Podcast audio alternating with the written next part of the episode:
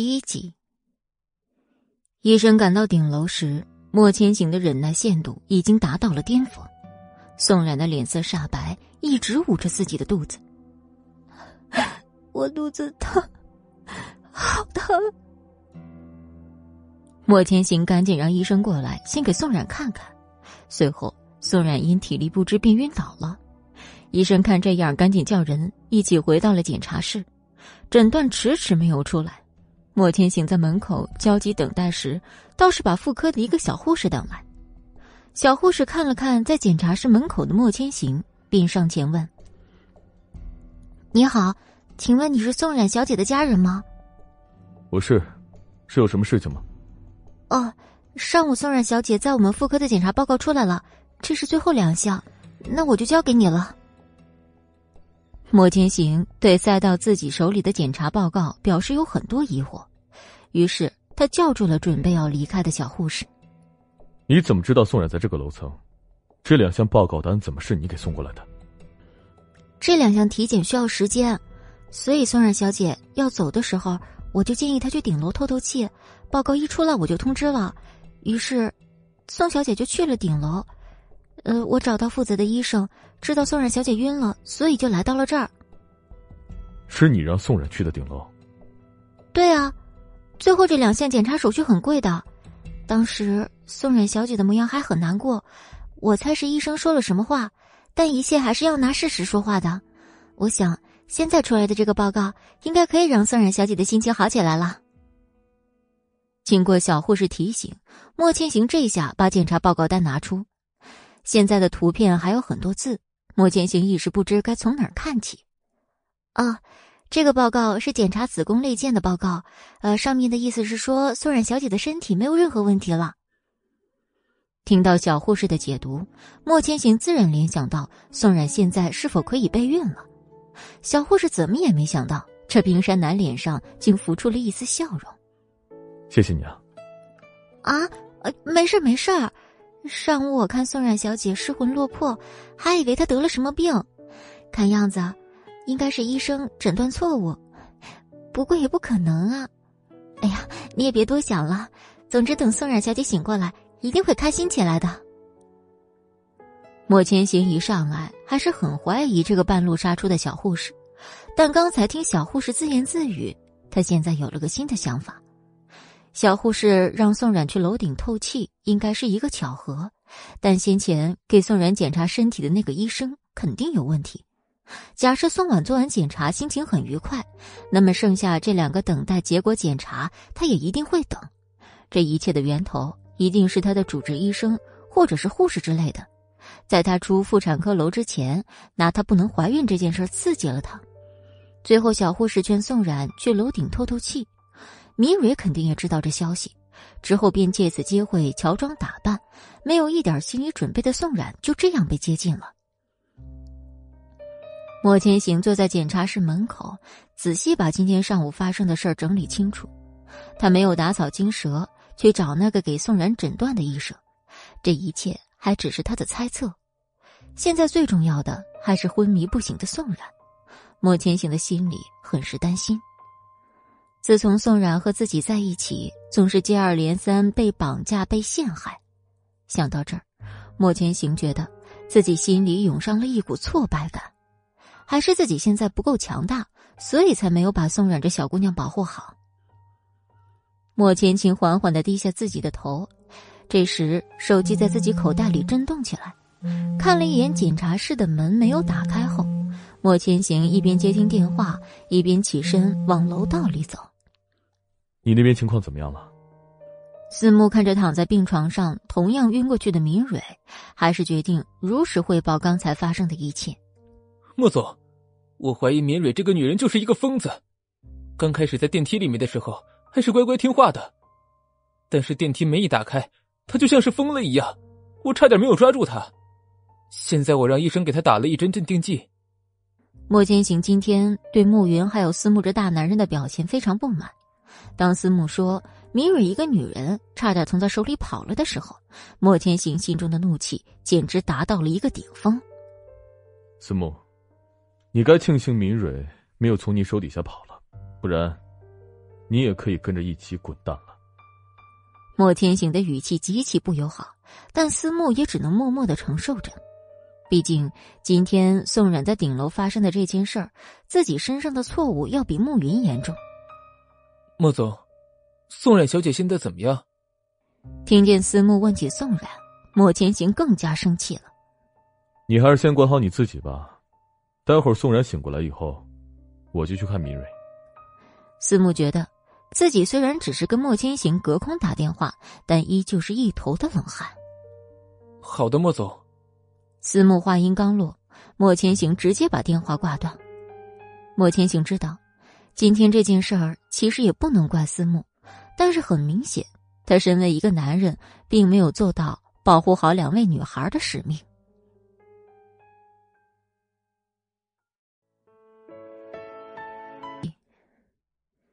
今天要不是自己及时赶来，还不知道现在事情会发展到哪一步。想到这儿。莫千行不禁后怕，当时敏蕊真的把宋冉从楼顶推下去，那么莫千行恐怕整个人都会疯掉。医院果真是一个让人压抑的地方，莫千行不禁也陷入了很多不切实际的幻想当中。离开楼梯道，莫千行看着检查室的门，现在还没有打开，再次坐在椅子上，看着自己手里拿着的检查报告单，多少有了一丝安慰。检查室的门终于被推开，莫千行走过去，看见依然昏迷躺在病床上的宋冉。医生，宋冉为什么还是没有醒过来？莫总，宋冉小姐并无大碍，她昏迷不醒的原因有很多，主要是压力过大导致的暂时性昏厥。我们刚才给宋冉小姐检查身体的时候，发现她现在的情绪极其不稳定。莫千行点点头，更加确信宋冉晕倒的原因是先前有人做过人为引导。把宋冉安排在贵宾病房里以后，莫千行还是不放心。自从在顶楼下来以后，一直没有见到面的暮云这时敲门进来。莫千行抬起自己的头，眼神仿佛在示意暮云解释一下现在来这儿的原因。暮云只好硬着头皮看着莫千行说。我去查了监控录像，明瑞早在十点就来到医院的地下停车场，在宋冉小姐上了顶楼以后，自己也下车来到了顶楼。莫千行看了一眼宋冉，现在依然没有要醒过来的样子，他没有理慕云，起身来到宋冉的床头，抬手轻轻抚上宋冉的眉头，感觉宋冉的眉头没那么皱巴以后，自己才起身，出去说吧。正好你和我一起去看看明蕊那个女人。暮云点点头，跟在莫千行的后面出了病房。远在美国的齐军此刻正在病房里打游戏，在一旁的海伦刚刚出去上厕所时，他的国内线人打电话说了一件事儿：在一个小时以前，宋冉在楼顶好像被威胁了，事件中好像还牵扯出一个叫明蕊的女人，现在被莫千行抓住了。因为莫千行也在医院，所以不好施展去打听情况。再具体一些的情况就不知道了。海伦打完这电话以后，在厕所里纠结着要不要告诉齐军这件事儿。海伦偷偷找人跟着宋冉，不是为了偷窥他，而是担心宋冉会出什么事情影响到齐军。现在知道宋冉安然无恙，只是晕倒了而已。想来想去，海伦觉得。这件事儿没有任何必要去告诉齐军，原因很简单，那就是有关于宋冉的事情都只会让齐军担心罢了。海伦再次回到病房里时，已经全然释然了。齐军看了一本叫《人间失格》的书，看得正入迷，完全没有觉得坐在自己旁边的海伦有一丝的不对劲儿。B 市医院，莫千行给思慕打了个电话。得知现在明蕊的所在地，几分钟后便来到了门口。这时，暮云上前小声的敲了一下门。思慕听见有声音，猛地抬头，透过窗户看到外面来的人后，赶紧跑过去给莫千行开了门。莫总，明蕊现在打了镇定剂，差不多还有十分钟便会醒过来。莫千行进来，先找了个凳子坐下。思慕跟慕云心慌慌的站在一旁。给他打镇定剂做什么？他出了电梯以后就像疯了一样，医生看见这个情况，便帮我按住了他，给他打了镇定剂以后，医生建议我给他看一看是不是有什么病。莫千行看在躺在病床上一动不动的明蕊，这个时候，思慕赶紧跑到病床跟前，指了指明蕊的胳膊。我本来觉得医生是在小题大做，但是我无意中。看见了敏蕊的胳膊，医生告诉我，敏蕊这个女人可能有精神史类的病状，我便同意医生给她检查了。莫千行往司慕指的地方看了一眼，确实有很多不一样的新旧伤疤。没想到，敏蕊这个女人还会自残。莫千行更加庆幸自己及时把宋冉救了下来。接下来，司慕都做好了莫千行发火的准备。结果莫千行只是看了几眼明蕊后，自己便拿出自己的手机看起了股票。在一旁站着的思慕还有暮云，自然不知莫千行现在是什么意思，他们只好站在一旁不动。所谓敌不动我不动。几分钟以后，不知道是哪儿传来的手机铃声，打破了这安静的氛围。莫千行先是看了眼思慕和暮云，两人赶紧把自己的手机拿出，证明自己清白之身。随后，莫千行把视线转向躺着的明蕊身上，最后是暮云掀开了盖在明蕊身上的被子，在明蕊的口袋里找到了他的手机，手机屏幕显示的是雨柔大宝贝儿。莫千行看到这儿，总算是明白明蕊为什么每次都能找宋冉麻烦。林雨柔看了看时间，想着也许明蕊现在已经在来公司的路上。这时，林雨柔竟也没有任何多想，这心也太大了。她一想到宋冉的失落的样子，自己的心情非常愉悦。手机被挂断以后，莫千行把手机还给了暮云，他指了指明蕊：“原封不动的放回去吧，这应该是他最后一通电话了。”暮云拿手机的手跟着颤了一下，莫千行这次竟然说了这样的话，证明这个明蕊真的要完蛋了。思慕还有暮云都知道，刚才给明蕊打电话的人用脚趾头想都是林氏集团的那个林雨柔，但莫千行没有接听，只是静静的看着手机屏幕熄灭了。莫千行看了眼时间，快十分钟了，自己在心里。已经有了一定的想法。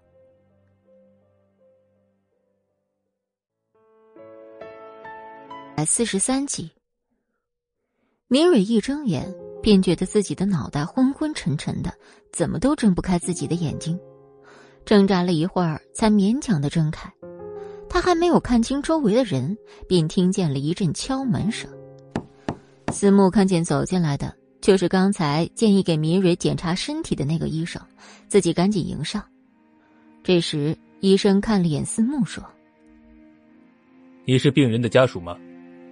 现在病人的问题有点严重啊。”明蕊听见这句话时，总觉得哪儿不对，待他完全看清楚自己的处境后，啊的一声叫了出来。医生看见在场唯一的一个女孩慕云被吓了一跳，赶紧说。姑娘，你别害怕，病人的情绪非常的不稳定，是正常的。一直没有说话的莫千行这时对医生说：“请问一下，你刚才说病人有什么问题？直说无妨。”明蕊知道自己现在想跑也跑不了，脑袋赶紧往被窝里缩了缩。表面看起来明蕊是害怕了，但其实她的小手正在被窝里快速的寻找手机。他清楚的知道，自己现在落在了莫千行的手里，一定会完蛋的。但是他不能连累林雨柔啊！就在医生刚要说话时，不知什么时候已经盯上敏蕊的莫千行突然起身，直接把敏蕊身上的被子掀开。啊！莫千行，你有病啊！面对要暴走的敏蕊，莫千行丝毫没有一丝的害怕。思慕走到敏蕊的病床跟前。明蕊只好坐在病床上，不敢再大声造次。医生现在算是刚看懂这四人之间的关系，原来一直没说话的这个冷面男才是最大的 BOSS。医生笑盈盈的对着莫千行说自己刚才被打断的话。病人好像有家族的遗传史，现在基本可以判断为精神病患者了。简简单单一句话，明蕊觉得自己的一生就这样被打破了。医生说完话后，还特意看了看明蕊的精神状态，这下算是把明蕊给惹怒了。臭男人，你看什么看？你说我有精神病，我看你这个庸医才有精神病吧。姑娘，你现在的病还不严重，不过骂人就是你的不对了。想必你自己也不知道自己的病状吧？你有病，我没有家人哪来的遗传病？况且还是精神病。遗传病不是非要显现出来的。你现在是不是觉得，有时候经常不能控制自己的情绪，有时候自残？会让你的心理得到满足，晚上经常会失眠，或者是做噩梦。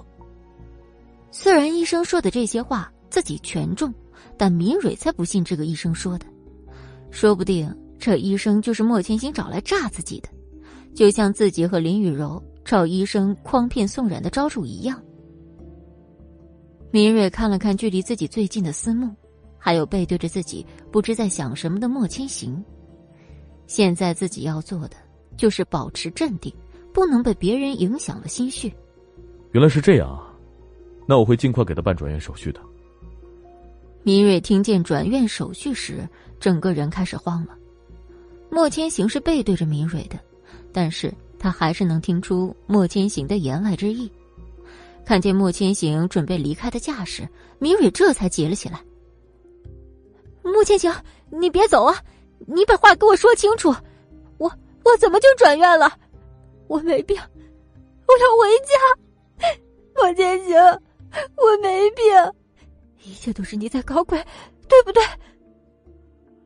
医生看见敏蕊这样，医生的本能使他走了过去，把自己的胸牌拿到敏蕊的面前说：“我真的是精神科的医生，你现在不要老是大喜大悲的，对病情没有一点好处的。”现在要做的就是尽快治疗才对。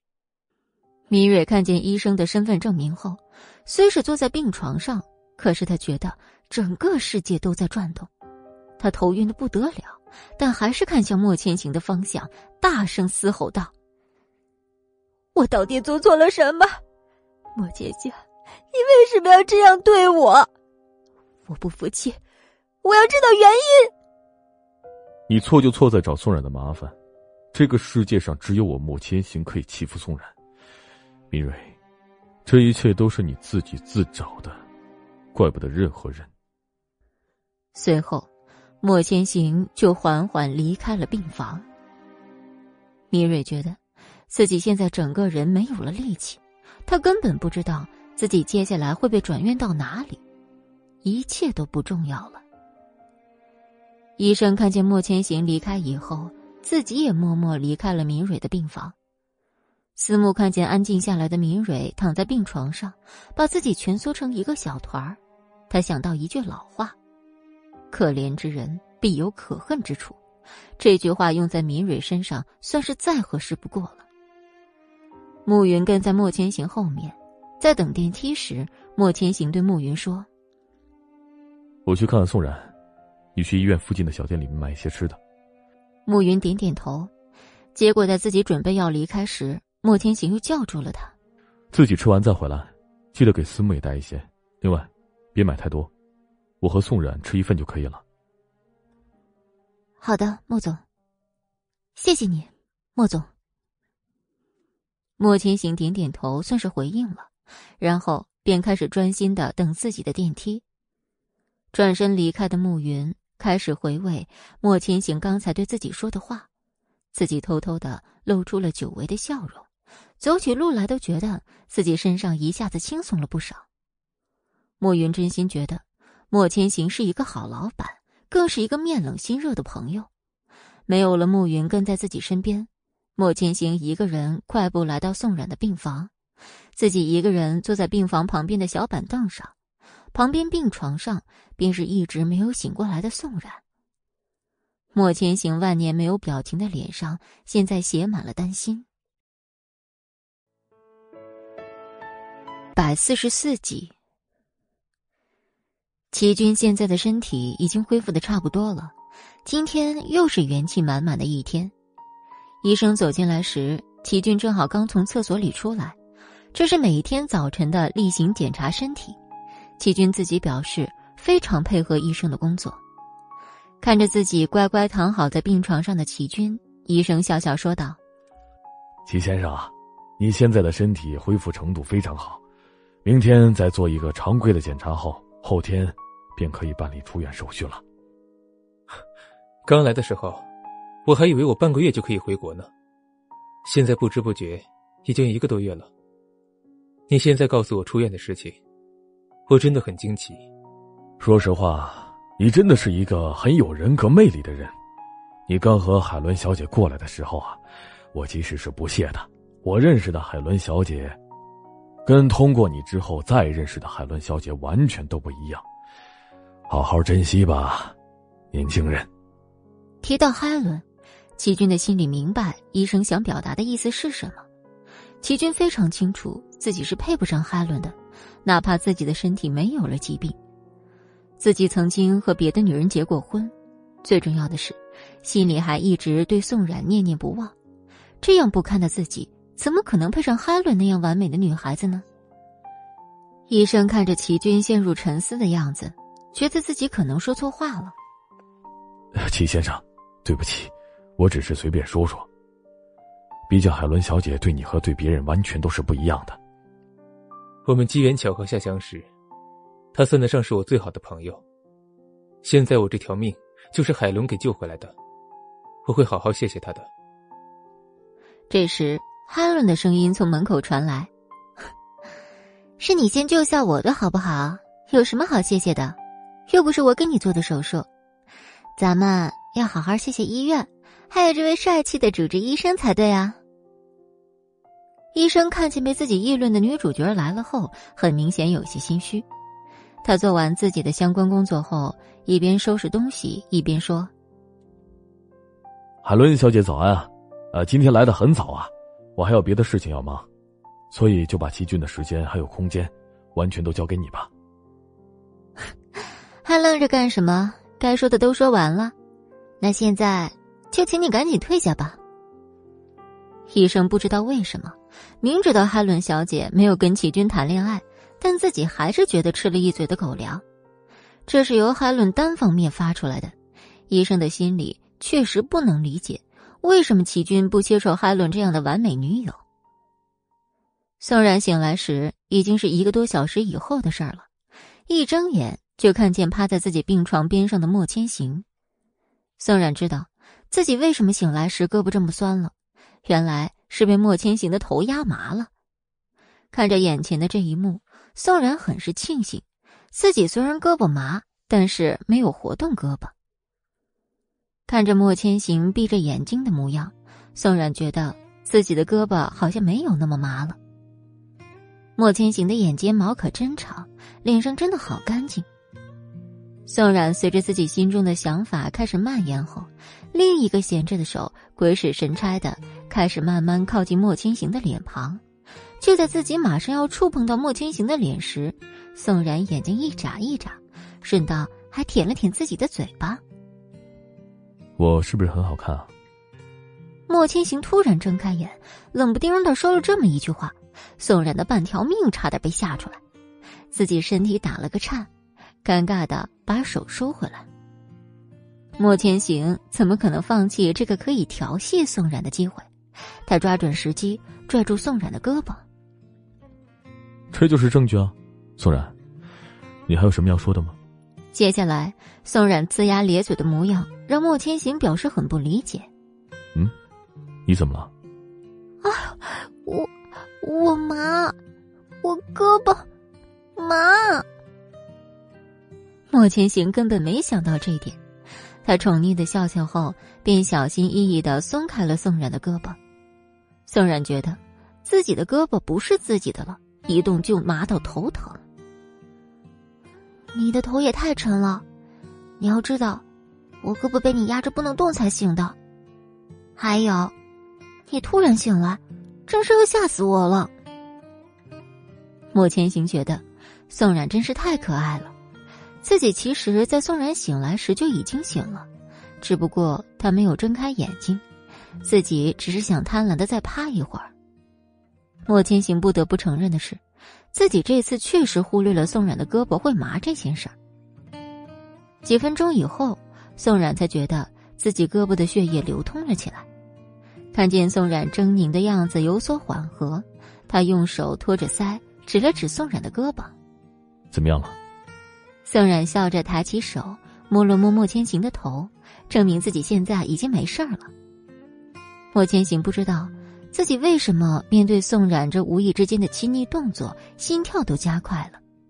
心细的宋冉发觉莫千行的耳朵变红以后，觉得很是神奇。就在自己想去摸摸莫千行红色的小耳朵时，莫千行把他的手握住，亲了一口。这下换宋冉脸红了。莫千行心情很愉悦的说：“刚才是想摸我的脸，现在还要摸耳。”“嗯，我哪有啊？你在胡说。反正我不承认。”莫千行宠溺的笑了，这个笑容宋冉看得愣了神儿，自己好像掉进了莫千行温柔的漩涡里。宋冉觉得自己的心跳真的快到嗓子眼儿了。莫千行拥有这么好看的一个皮囊，不就是让人看的吗？想到这儿，宋冉觉得自己心里都释然了。宋冉想要起身，莫千行看到，赶紧帮他的身后垫上柔软的枕头。就在莫千行距离自己最近时，宋冉伸手捏了捏莫千行的脸。我就是想摸摸你的脸，还有，明明刚刚耳朵红的人是你啊！哼。莫千行，你长得可真好看。莫千行顺势揽住宋冉的腰，把她压在病床上。你刚才还不承认你对我有非分之想呢，现在怎么又大方的承认了呢？宋冉把自己的头埋进莫千行的怀里，很明显不打算回复莫千行的话。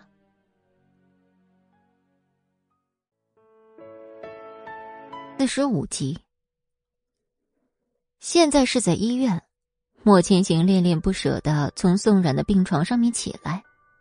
莫千行起来后，宋冉觉得自己刚才连呼吸都变得困难了，心跳的声音那么大，宋冉都害怕被莫千行听见。空气中弥漫着一丝甜蜜的味道，宋冉为了让自己冷静下来，赶紧开始整理自己的头发。莫千行看着害羞的宋冉，自己倒是不紧不慢的坐下来。这时，思慕推门进来，宋冉不知道为什么心里升起一股被捉奸在床的心虚感。自己的身子本来是靠在病床上的，但是随着思慕走近，他的身子也慢慢的躺下去。莫千行当然看到宋冉红喷喷的脸蛋，于是他起身也走向思慕。思慕看了一眼已经醒过来的宋冉，心里的愧疚感能少一些。莫千行发现思慕在偷看宋冉的动作，他直接挡住思慕的目光。宋冉被遮得严严实实，只能偷听两个人的谈话。思慕当然知道莫千行这动作是什么意思，他低下自己的头说：“莫总，明蕊想要见你。他说他是受人指使的。”就算你处理了他，他还是会有别的人去找宋冉的麻烦。明蕊说，他想要一个机会，想要和你谈谈。思慕，你怎么提那个女人说话了？你知道她差点害死宋冉吗？现在跟我提条件，不见。宋冉虽看不见两人说话的模样，但是能感觉到现在的情况有一丝焦灼，于是他干咳一声。莫千行转身看着宋冉，温柔的说：“怎么咳嗽了？要不要喝水啊？”莫千行情绪切换的倒是快，突然被问到的宋冉只是点点头，还配合的舔了一下自己的嘴巴，表示自己口渴。其实，宋冉是想要说话的，但是还没组织好语言。莫千行回到板凳上给自己倒水时，宋冉鼓起勇气问。明蕊，你打算怎么办？医生说他有精神病，那么精神病肯定要去神经病该去的地方。我跟他聊天时，就觉得他情绪波动的挺厉害的，但是觉得他这个人还挺有头脑的。他害得你差点出意外，你倒是心大。在这儿回想案发现场啊。哎，宋冉尴尬的吐吐舌头，自己还打算说话时，莫千行起身转向了一旁的思慕，思慕赶紧把自己的头低下去。这时，莫千行说：“走吧。”莫总，在这里，我还是想要跟宋冉小姐道一个歉。对不起，宋冉小姐，这次的事情是我没有尽到应尽的责任，还请你不要怪莫云，她只是一个女孩子，遇到事情也是很害怕的。宋冉不知道思慕会突然说这些话，于是向莫千行投去求助的目光。他根本不知道现在该怎么办，更不知道该怎么消除思慕心中的愧疚感。莫千行摸了摸宋冉的脑袋，眼神示意他说话。那个，我没怪你，也没有怪慕云的意思。这件事就是个意外，你不用任何的心理压力。我不怪你们，千行也不怪的。莫千行挑挑眉，说话就说话。他根本没想到，宋冉这小姑娘会顺带扯上自己。美国，医生走出去后，齐军起身整理自己的病号服。哈伦顺势坐下，开始欣赏齐军若隐若现的腹肌。炙热的目光很快就被齐军发现了。面对这一幕，他没有说话，直截了当的把自己的病号服穿得结结实实。怎么那么小气啊！自己刚才还在医生面前说要好好谢谢我，现在连个腹肌都不给看。男人啊，说话的嘴骗人的鬼。你的小脑袋整天都在想什么呀？话说，你现在知道的也太多了。谁告诉你男人的嘴是骗人的鬼的？哼，怎么样？我现在太爱你们演的电视剧了，中国真的很出人才。我喜欢你们的文化，比如电视剧里的男主都是你这种霸道总裁，女主的人设就都太搞笑了。听到这儿，齐军只想给哈伦一个白眼儿。一个国外的著名设计师，今年二十多岁的成熟女人，现在竟然还在里面跟自己说那些自己小学才会看的狗血电视剧，自己已经完全没有了想要跟哈伦继续聊下去的兴趣。哈伦发现齐军默默拿起床桌的《人间失格》，他就知道齐军是不想理自己了。哈伦不服气，他趁齐军不注意，迅速起身抢走齐军手里的书。齐军的目光再次落在自己的书上，哈伦觉得自己这个做法简直太明智了。你呀，还是学学我，多看看书，少看那些狗血的电视剧，会降低智商的。哈伦若有所思的点点头，但是又觉哪儿不太对。看着偷笑的齐军，哈伦的小脑袋转了过来。齐军这是变着法儿说自己智商低呢。想到这儿，哈伦觉得这件事真是好气又好笑。好了，别闹了，把书还给我吧。一会儿我请你吃大餐，好不好？哈伦虽然还想再闹一会儿，但是一听到大餐，眼睛便放光了。双手把《人间失格》这本书还到齐军的手上后，一脸精明的问：“等下咱们吃什么？你可以出去吗？医生有没有告诉你后天出院的事儿？”医生刚进病房的时候就告诉我了，我还以为你不知道呢。这也是今天我要请你吃饭的原因。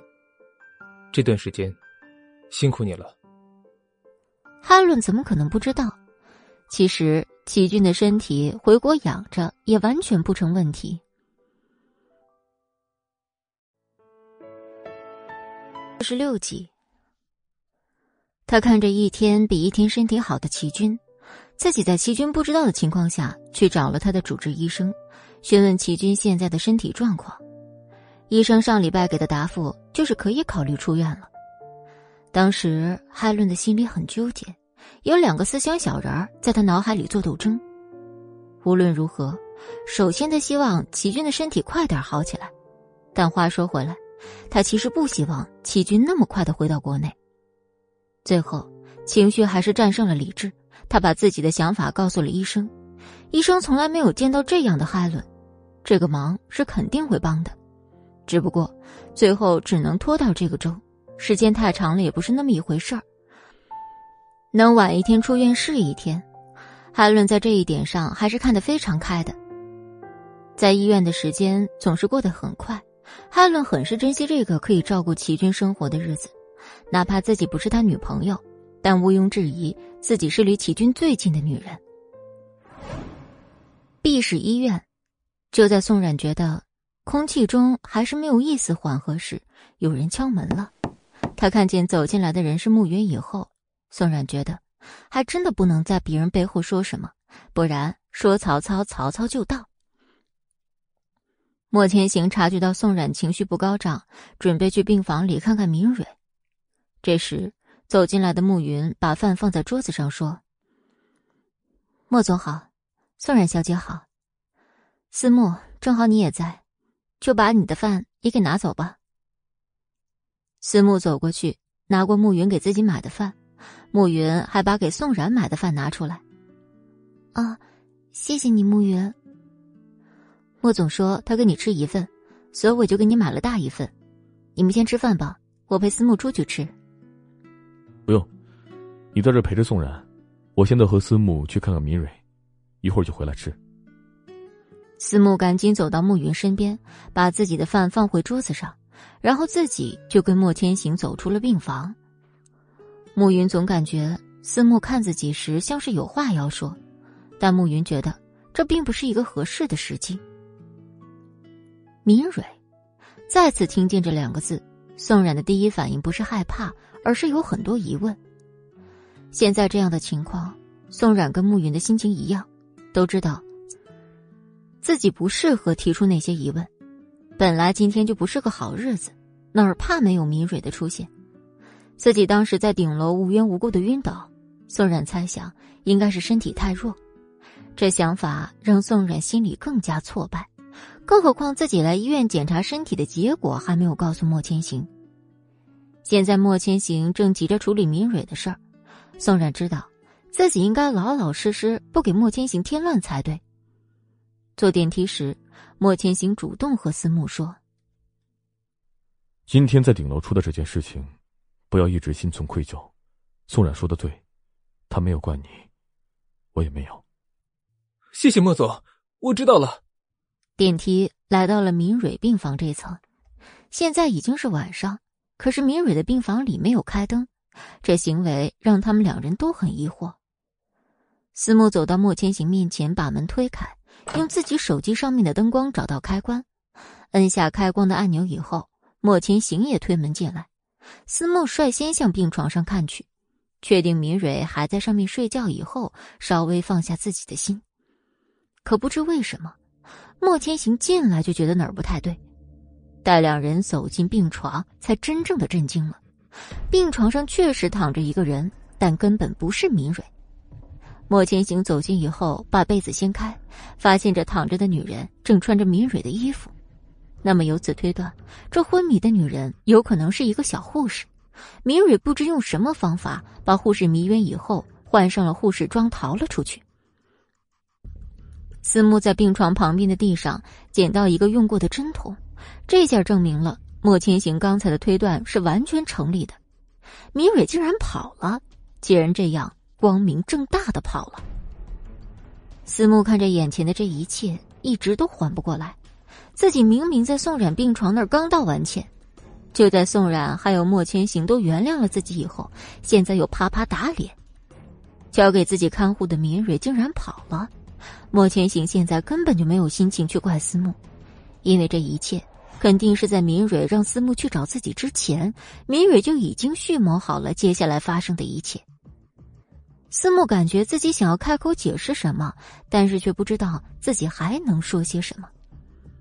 莫千行看着昏迷在床上的小护士说：“你先去找医院这边的人来把这个小护士弄醒吧。也不知道明蕊那个女人给他用了多大的伎俩。”喂，医生，你好，我是思慕。现在我在明蕊的病房里面，这里出了一些问题，你看你方便过来一趟吗？医生来了后，一眼就看见自己手下的小护士。经过莫千行的解释后，医生大概了解了些情况，拿过莫千行手里用过的针筒。医生解释：“还好啊，明蕊给他打的是镇定剂，要不然就要出事了。这镇定剂本来是我让小护士给他打的呀。这件事情等他醒来以后，如果有任何的不适，或者是有问题的话，他可以直接去莫氏集团找我。这件事情真的很抱歉。”医生当然知道自己面前的人是莫氏大名鼎鼎的总裁，所以点头微笑。好的，你放心吧。这件事情等护士醒过来之后，我会好好沟通的。莫千行和思慕离开明蕊所谓的病房后，没有任何线索的两人来到了楼梯间。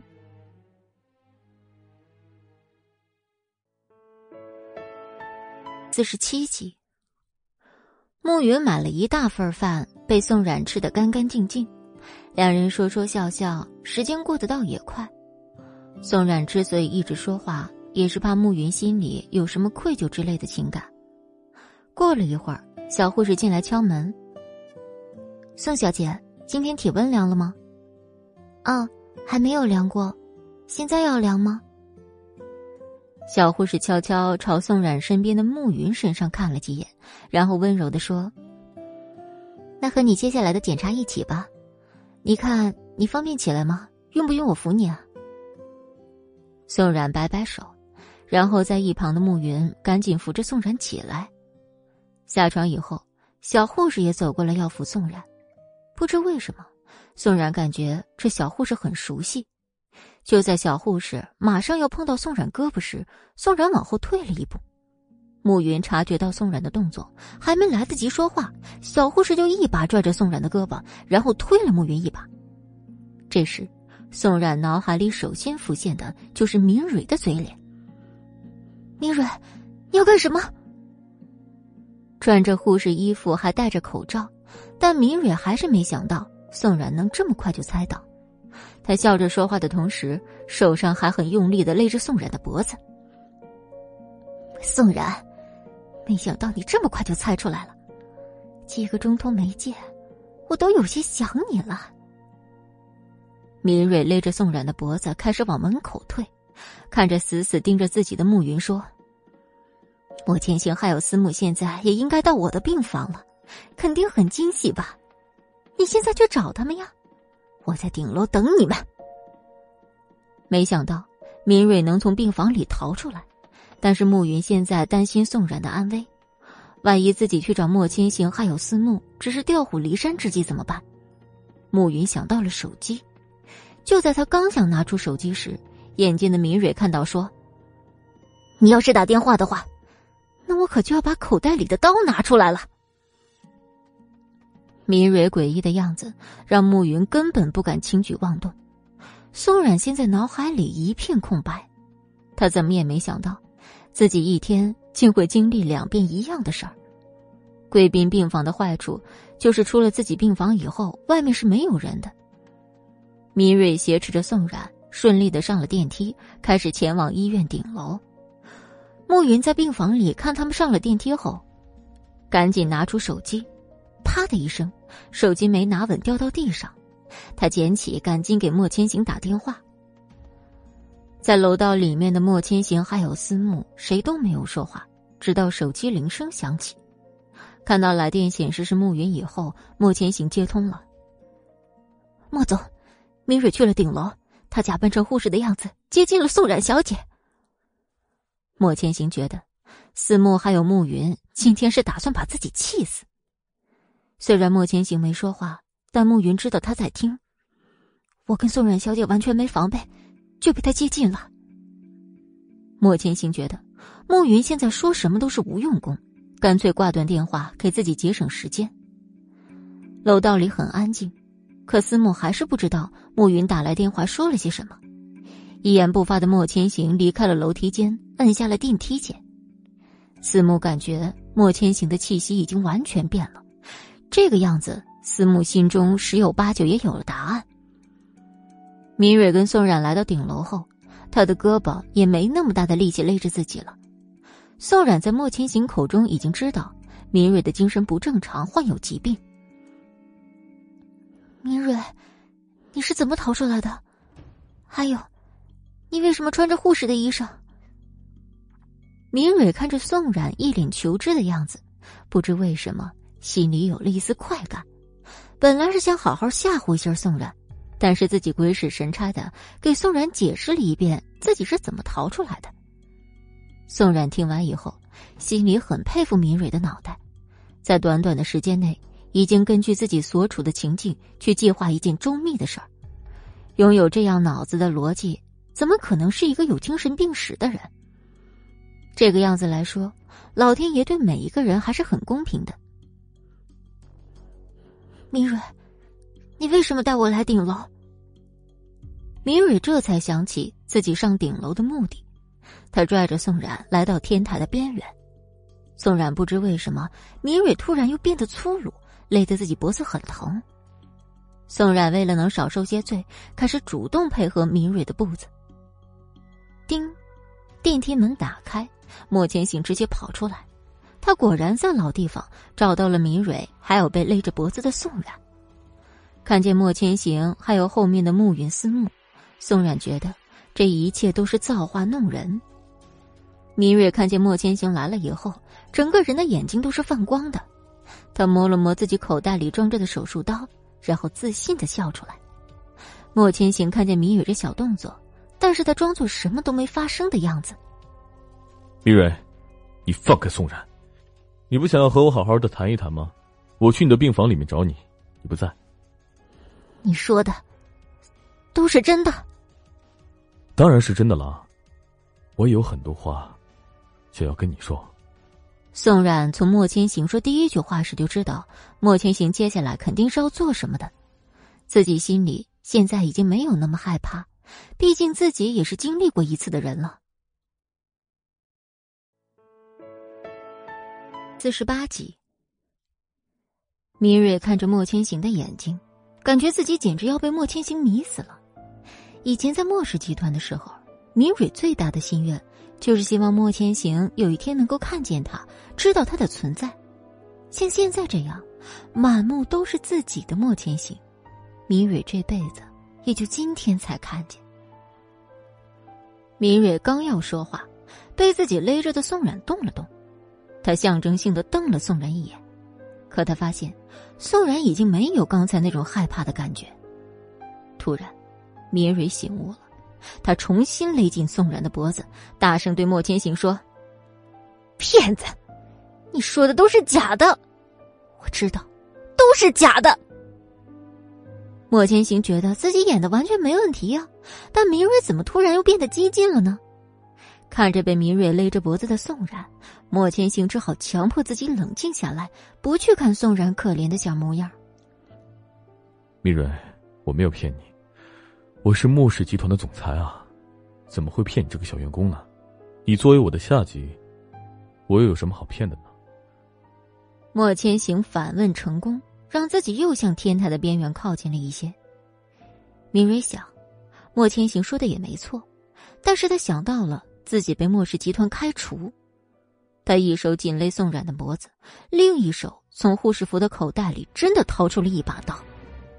莫千行定睛一看，是医生们常用的那种手术刀。这敏蕊有太多不确定因素出现了，莫千行快速在自己脑子里想着对策。现在这样拖得越久，对宋冉的人身安全越没有利。我早就不是莫氏集团的员工了。你就是个骗子，我才不相信你说的鬼话！你跟宋冉这个臭女人就是一伙的。我今天去病房里面找你，就是要说这件事情的。我想要你回来上班，让你做我的秘书，回莫氏集团吧，明蕊。你不在的时候，我的工作变得非常不习惯。明蕊勒着宋冉的手，终于在这一刻变成了圈着。一直在后面站着没有动的思慕，还有暮云，看着这一幕，觉得太不容易了。莫千行笑着，试探性的又往明蕊身前走了几步。宋然也一直在感受明蕊现在的情绪变化，在明蕊发觉距离感缩小时，自己拉着宋然彻底退到了边缘。莫千行看明蕊的后面已经没有退路，自己赶紧适可而止，停止前进的步伐。明蕊看了看自己手里的手术刀，自己的心里又有了个新的想法，他把手术刀用力一扔。扔到距离莫千行比较近的地上，这可是莫千行求之不得的。没有手术刀的明蕊，对宋冉的人身安全就多了一层。莫千行，你把刀捡起来。莫千行乖乖照做，然后拿着刀看着明蕊问：“这个刀你在哪里拿的？女孩子家家的拿这个太危险了。现在可以了，放在我手里就不会伤到你了。”明月根本不知道。莫千行会说出这么感人的话，他眼眶一下就湿润了。我刚被莫氏集团辞退的时候，在小巷子被人伤到了，他们拿小刀划伤了我的胳膊，当时我竟觉得莫名很爽，这是不是很奇怪？在那以后，我在酒吧遇到不好的事就划自己一刀。我被人从酒店里救出来后。本来想安安分分的，好景不长啊！我没想到，我会被个傻子糟蹋了。我在医院醒过来，医生说我的子宫经过太多不同程度的伤害，现在已经不具备生育能力了。提到生育能力，宋冉的身子僵住。明蕊当然感觉到宋冉的变化，于是他大笑出声，附在宋冉的耳边说。一个女人最重要的东西，我没有了。不过在知道你也没有了之后，我很开心。这时，明蕊看见莫千行的眼神竟没看向自己，他非常不满。你不是要请我回莫氏集团上班吗？答应我件事儿，我就回去继续给你当秘书。答应？你说什么事情？明蕊没想到莫千行会这么爽快的答应，心里乐开了花。他现在已经完全松开了宋冉，眼睛看着莫千行直冒光。你拿着小刀，在胳膊上划一刀，一刀就行。相信我，你也会觉得很爽的。那是一种思想的解压，会忘记烦恼的快乐。莫千行看着没有明蕊勒着的宋冉在状况外，原本走到这一步，他就可以趁机跑过来，但现在宋冉这模样，莫千行觉得自己没有回头路，他眼都没眨一下，拿着刀对着自己胳膊就是一刀。明蕊哈哈的笑出了声，宋冉看着莫千行流血的胳膊，终于醒悟过来，下一秒，明蕊从天台上掉了下去。宋冉的眼泪已经止不住，她急忙的跑向莫千行：“你别伤害自己，我不值得你这样做。就小小的划了一刀而已，你放心，我没事。你配，你永远都配得上我莫千行。以后，还是不要说这种傻话了，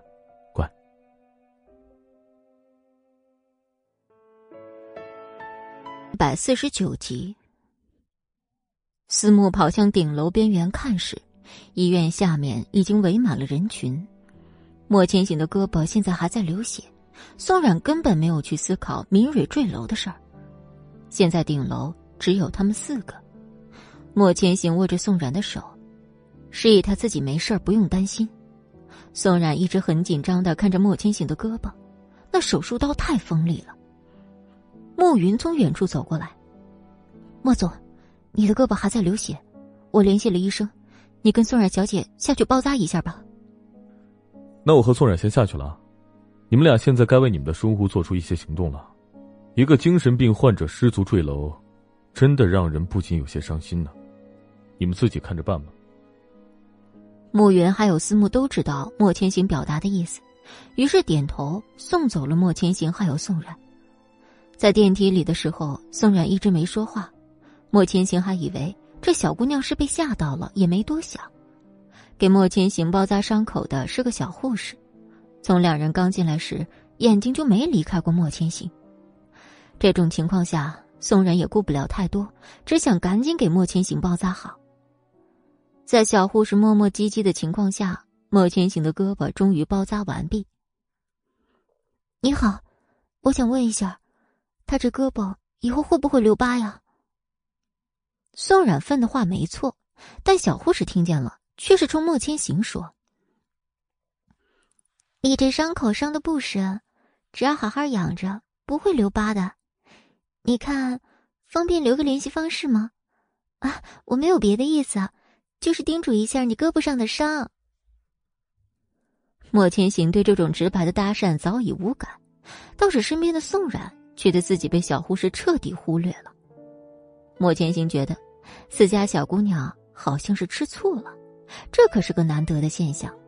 于是莫千行用自己没受伤的胳膊，一把揽过宋冉的肩膀。你还愣着干什么？我都包扎好了，现在还不走吗？小护士看见莫千行对宋冉的一系列动作，觉得心都要碎了。好了好了，咱们先走吧，护士小姐还要忙别的事情呢。就这样，气鼓鼓的宋冉被莫千行一路甜蜜的揽回自己的病房，现场只留下给莫千行包扎的护士一个人，孤独的悲伤着。一路上，宋冉想了很多事儿，最重要的就是敏蕊坠楼最后的那段话。这已经是自己不知道第几次看医生了，可是自己肚子就那么不争气。宋冉一直都努力的想要一个孩子，但事实却事与愿违。看着给自己削苹果的莫千行，宋冉突然觉得自己配不上眼前这个男人。莫千行，我有很多话想跟你说。你说吧，我在听着呢。宋冉觉得自己需要一些勇气，于是他很大口的咬了一个苹果。其实。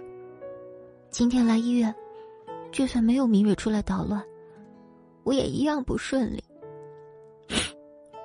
医生说，我还是不能怀孕，我可能真的不能给你生一个孩子。我不能生孩子了，我明明已经很努力了，我不知道老天爷为什么要这么对我。对不起，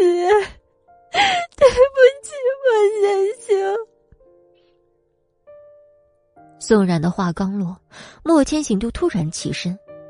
宋冉哭的同时，自己使劲往被窝里钻，心里想着：这样莫千行就算离开，我也看不见了。就这样让他一直躲着吧。他一把鼻涕一把泪，下一秒却被莫千行从被窝里给揪了出来。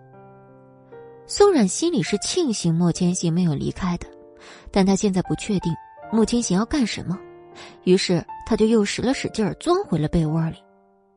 这下换莫千行无奈了，他只能起身去旁边拿宋冉遗忘的检查报告单。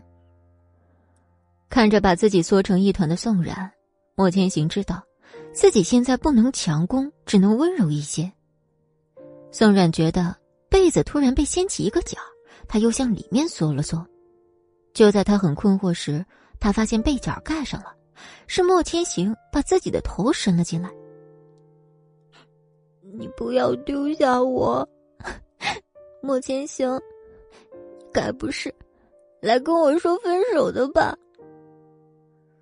他看莫千行没说话，宋然一咬牙把被子掀开了。好了，我知道，我光躲被子里也没用。你有什么想说的话就直接说吧，我能守得住。莫千行看宋冉一副视死如归的模样，把拿在手里的检查报告单扔到宋冉面前，说：“那你可要仔细看清楚了，出现了现在这个结果，一切可是要负责任的。”宋冉看着写着自己名字的检查报告单，整个人心都寒了。原来莫千行已经看了结果。宋冉没想到，莫千行会这么直接的把结果摔在自己面前，这对宋冉来说是一种赤裸裸的羞辱。这一刻，他好像明白，为什么明蕊选择在大家都没注意的情况下跳楼了。与其在这个世界伤残苟活，还不如死了一了百了。明蕊跳下楼的那一刻，他下坠的身子已经是没有任何负担的快乐。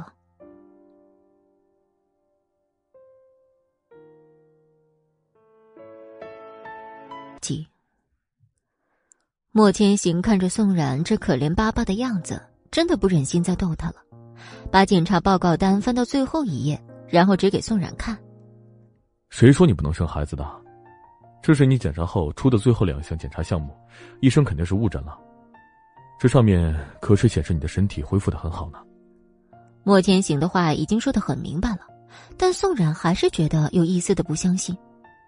拿起检查报告单。盯着最后检查结果，左看看右看看，确定这单子是真实的以后，宋冉又把自己的目光转向莫千行。这一切是真的吗？真的是真的吗？可是今天医生告诉我，我的身体怀不上孩子。当然是真的啊，真的假不了，假的真不了。要是还不信啊，那就等你怀孕的那天吧。到时候你反正不能还是不相信吧？那你可是真的蠢到家喽。宋冉现在的眼泪完全是因为喜极而泣，这消息对他来说应该是最好的消息了。这一天下来，宋冉的心情就像过山车一样，先是平稳的开着，中间跌落谷底，现在又一下子飞到高处。宋冉从莫千行的怀里挣脱出来，同时还不忘把自己的眼泪。往莫千行的衣服上蹭了蹭。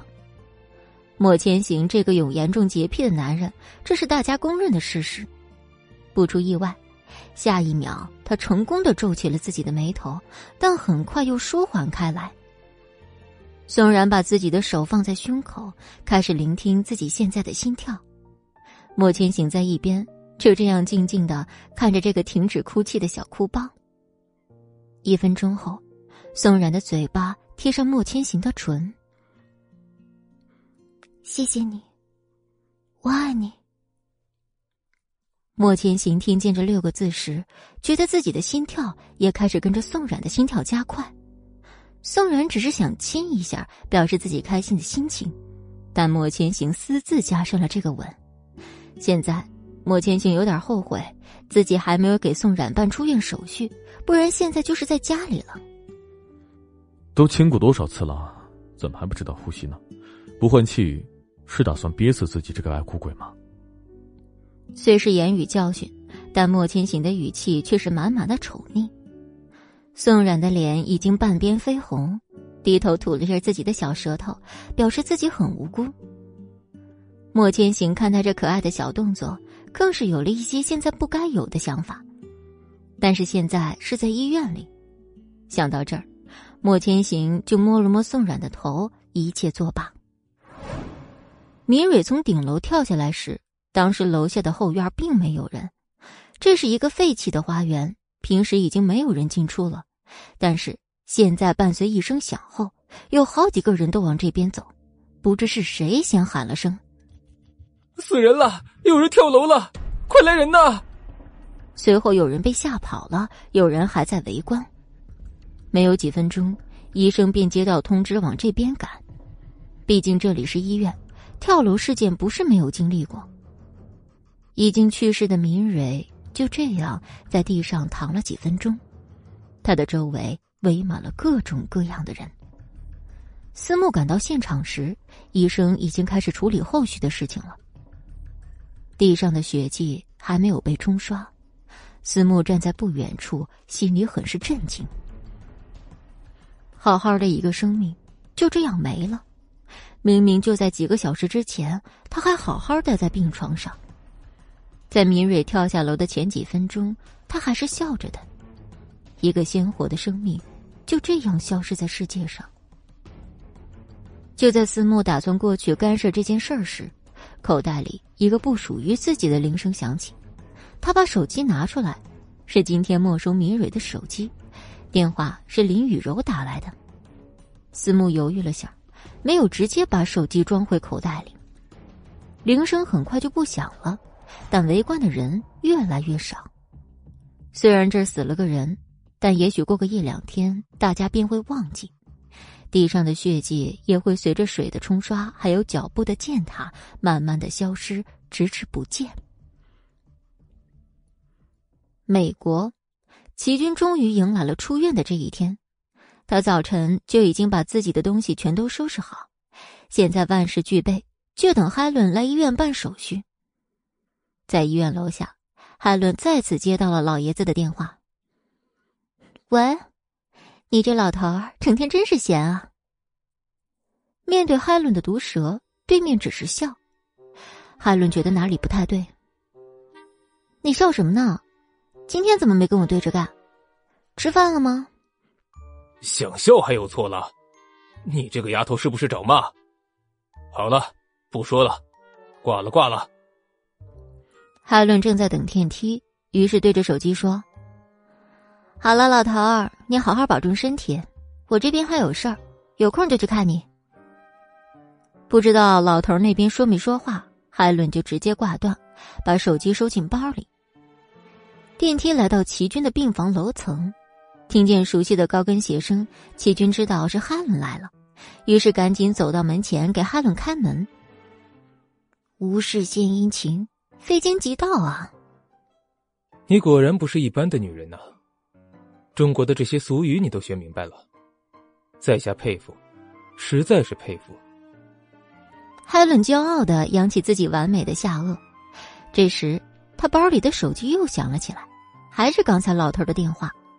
海伦看了眼齐军，齐军耸耸肩，示意他接就行了，自己转身走向病床。自己马上要离开美国，这是最后一次躺在这病床上了。十一集，电话刚一接通，那边就传来了阿彪的声音。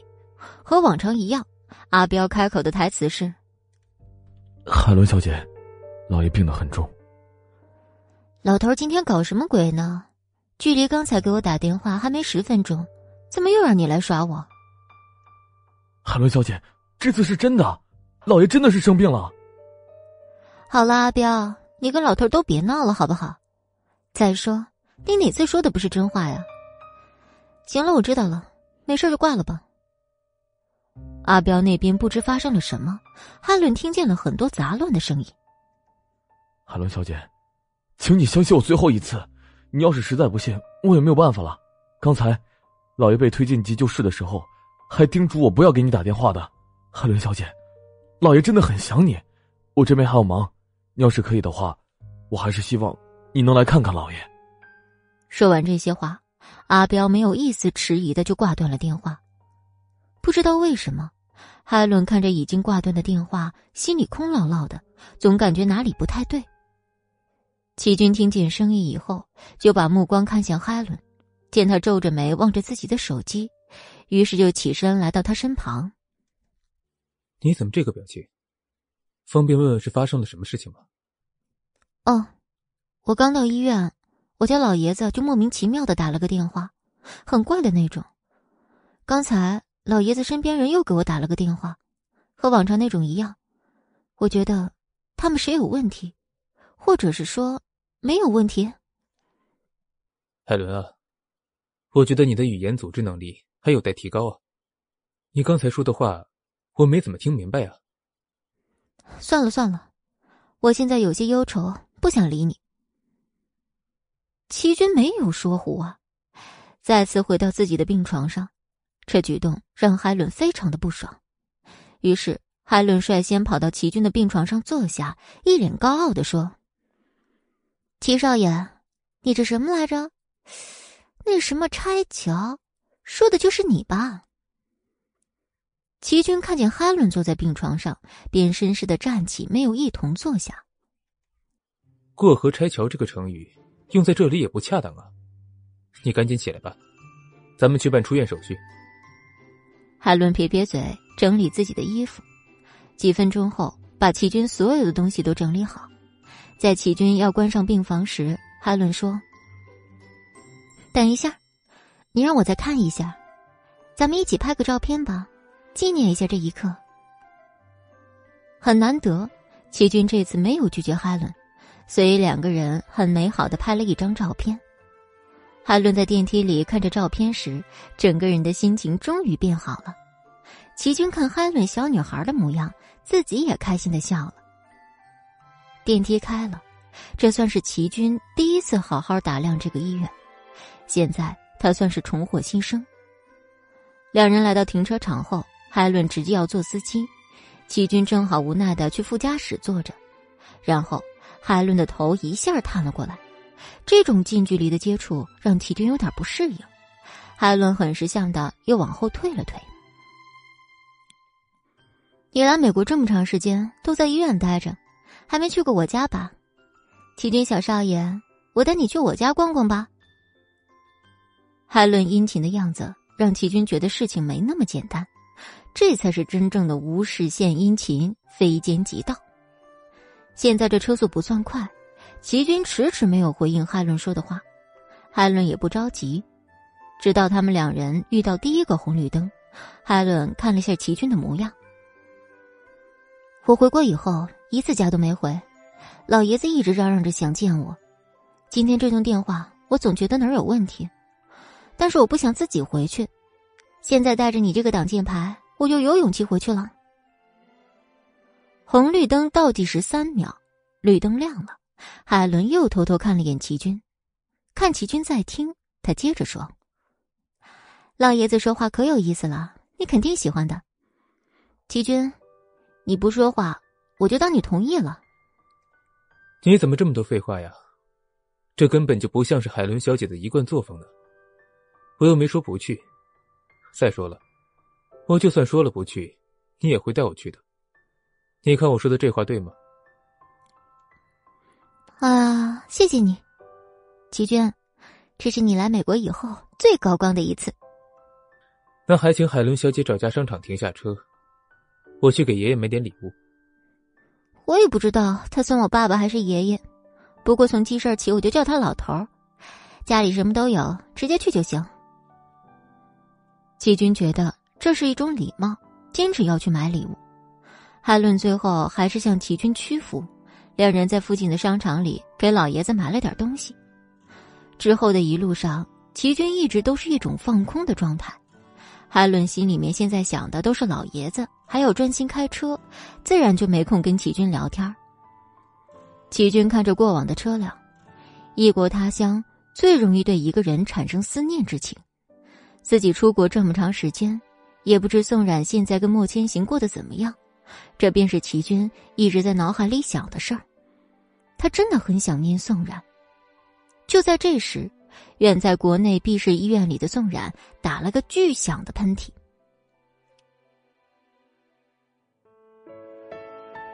二集，宋冉冲着莫千行不好意思的笑了笑，然后伸手去床边的桌子上拿卫生纸，看着宋冉擦完自己的鼻子，莫千行宠溺的说道：“怎么打喷嚏了？是不是在顶楼上的时候吹风感冒了？”“不可能。”我哪有那么虚弱啊！啊啊！切！莫千行一脸无奈的摇摇头，然后把桌上的纸拿给他。接二连三的喷嚏让宋冉现在很尴尬。宋冉不好意思的低着头，心里不禁想：这哪是感冒的征兆啊？这明显是有人在背地里骂我。莫千行看宋冉嘟囔嘟囔的嘴巴，也不知他在碎碎念什么。手机震动。莫千行看是思慕的来电，于是放在耳边接听。莫总，明蕊的死亡现场现在已经处理的差不多了，医院这边我也跟着沟通了。你看他的尸体现在怎么办？莫千行下意识的看了一眼宋冉，然后对手机说：“查一下他的背景，通知他的家里人。”好的，莫总，我这就去查。宋冉在旁边一直假装抠手指。其实他也很好奇莫千行会怎么对待明蕊这个坏女人。手机挂断，莫千行伸手捏宋冉的脸蛋刚才宋冉的小动作全被莫千行看在眼里，这小傻子还以为自己没被发现。宋冉做了个鬼脸，一脸嫌弃的说：“哎，你快放开我！我看手机上说捏脸会让脸变得更大。你脸那么小，如果捏一捏就会变胖的话，那我觉得你也不用吃饭了，我就可以让你胖起来。宋冉发现莫千行一边说话，但是眼神已经移到了他的胸部，他赶紧双手护胸。莫千行，你整天想什么呢？不是你先提起来的话吗？我说的也没错。宋冉给莫千行一个白眼，他知道自己是永远都说不过莫千行这张嘴的。莫千行看着要炸毛的宋冉，起身亲了下他的额头，以示安慰。好了，我不逗你了，我去看看慕斯那边处理的怎么样了，你自己休息一会儿吧。宋冉点点头，乖乖的在病床上躺下。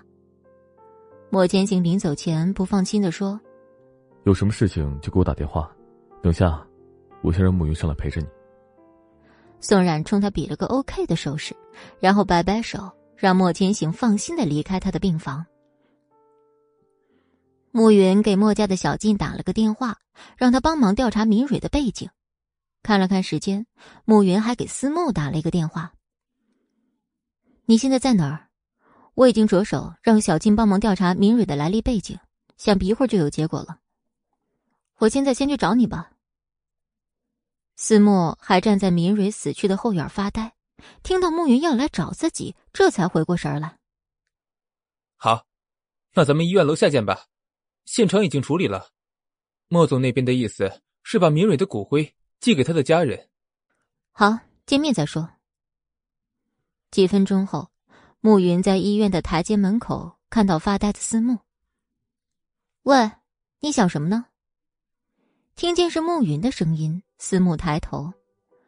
这时阳光洒在暮云身上，思慕觉得就连暮云的头发丝儿都是金光闪闪的。看见思慕一动不动的看着自己，暮云觉得很不自在。下一秒，暮云突然坐在思慕旁边，抬着头，抬头看着思慕，眼睛被刺眼的太阳光快要闪瞎了。思慕感觉闭上眼睛再睁开时，整个人都看不清东西。暮云看思慕这傻样，偷偷笑了。窘迫的思慕刚要指责暮云。暮云便拿起手机接听电话。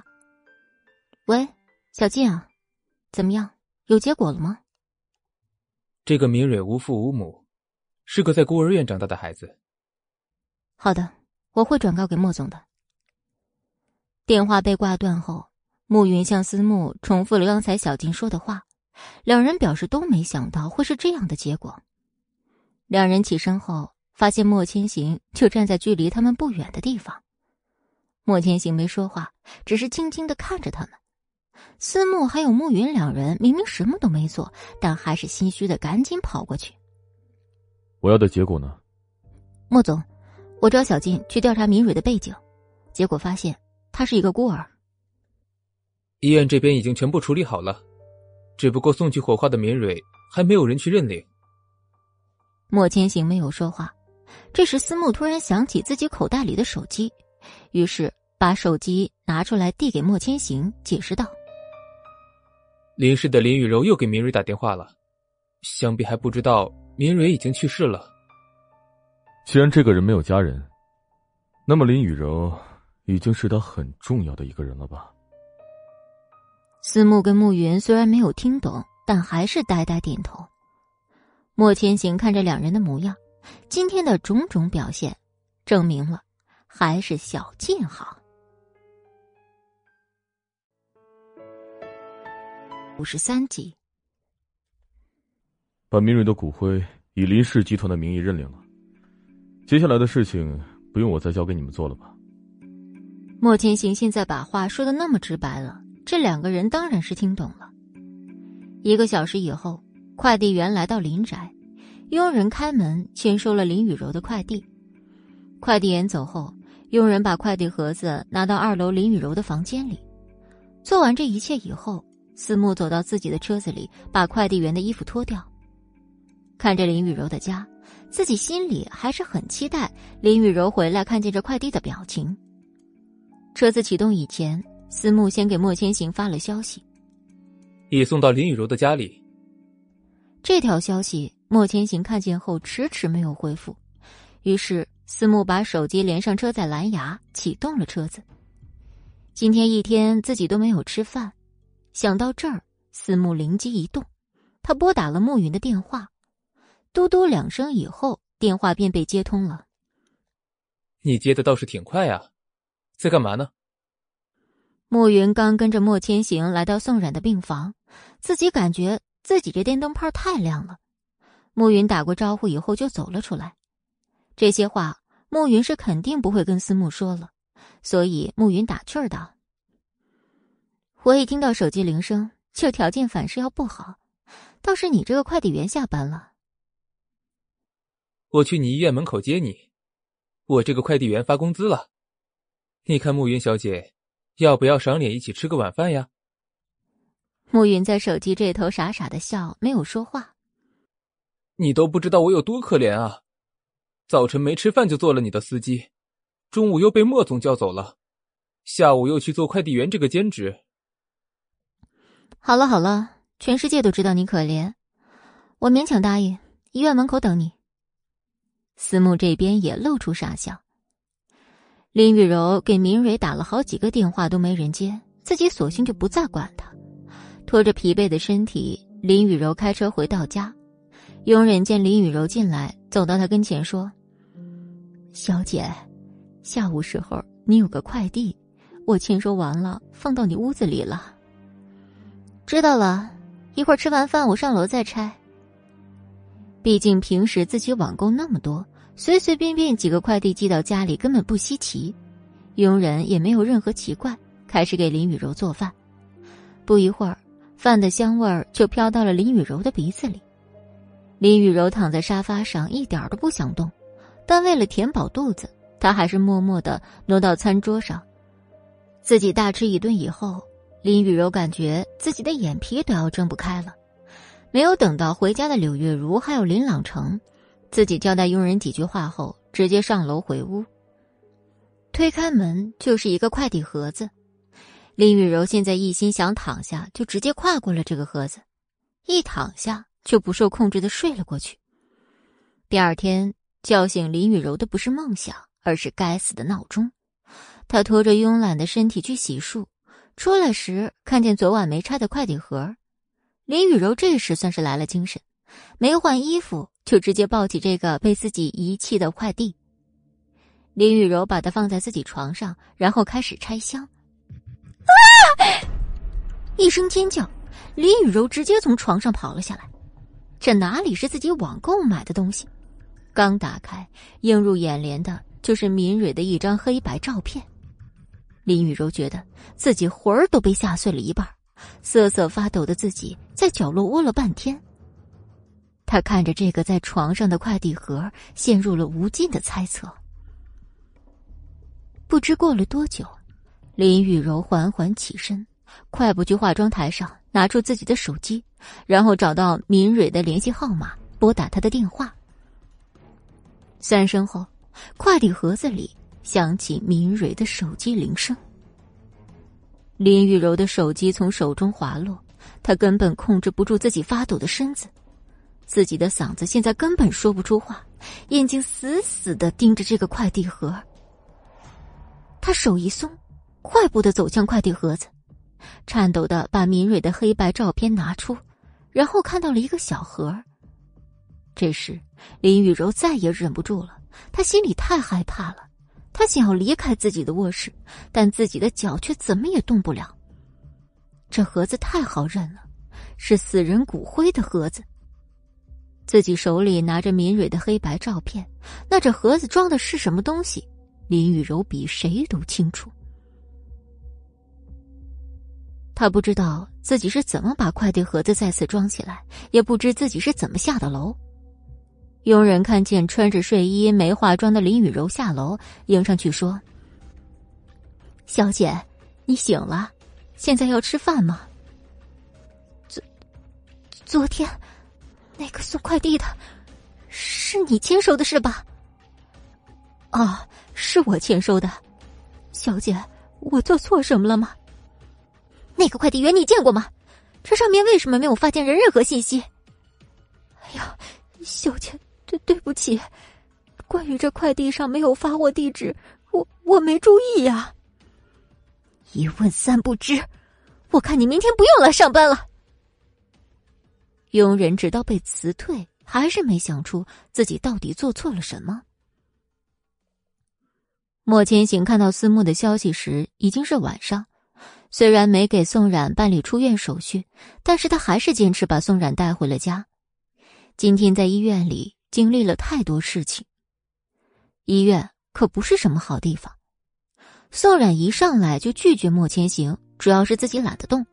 莫千行一本正经的对宋冉解释：“你要是坚持留在医院，要么我就在医院里面陪你。我睡不好觉的话，明天去公司肯定会走神的。”宋冉觉得。这样子的莫千行像是一个小孩子在跟自己耍无赖，最后宋冉成功的被莫千行的各种理由折服，同意回家。两人回莫家时已经不早了，一心想要睡觉的宋冉不知回到卧室里，真正的危险才会来临。夜里，宋冉一次次的求饶，大公无私的莫千行心满意足的折腾够了，这才放过了他。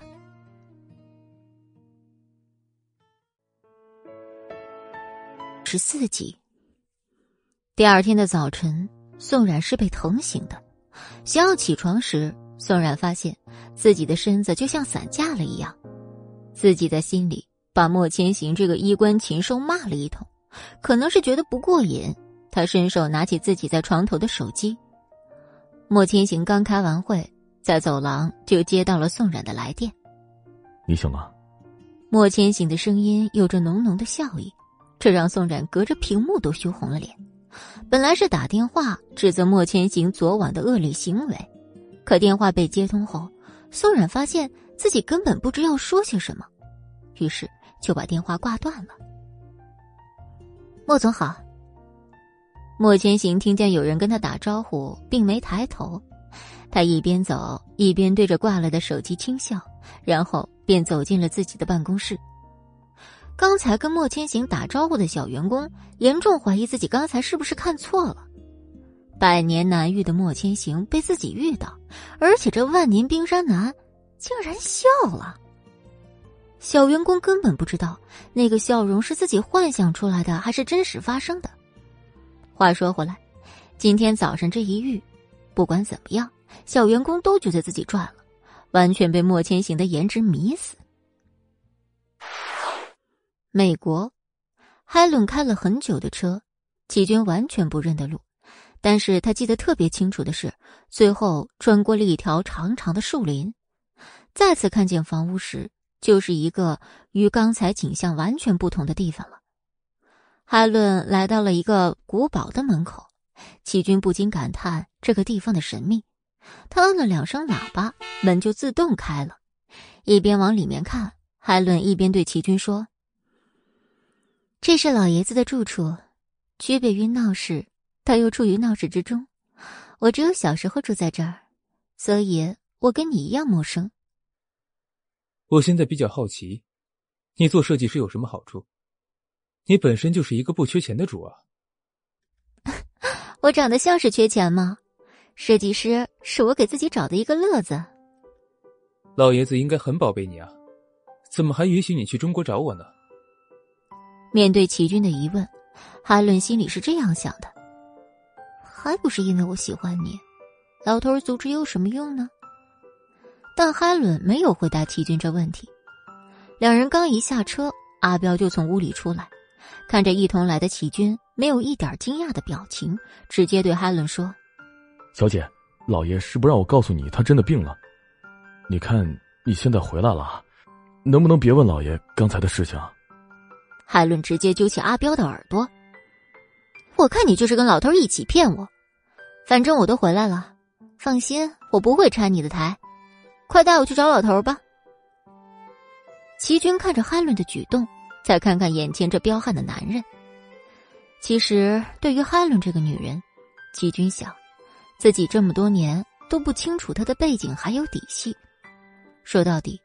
他也是从现在来到海伦的家，这才刚刚了解他这个人吧。走进古堡里时，齐军觉得自己在国内那点产业还真不算什么。又走了几分钟的路程，终于来到老爷子的房门前。阿彪敲了敲门，里面响起老爷子不太大的声音：“进。”海伦直接把门推开，大方的牵着齐军走进来。在床上输液的老爷子看到这一幕，他并不是开心的对哈伦说欢迎，而是用那个闲着的手指着齐军说：“你是谁？你，你快放开我的宝贝女儿！你叫齐军是吧？胆子不小啊！”齐军很疑惑，老爷子是怎么知道自己的名字的？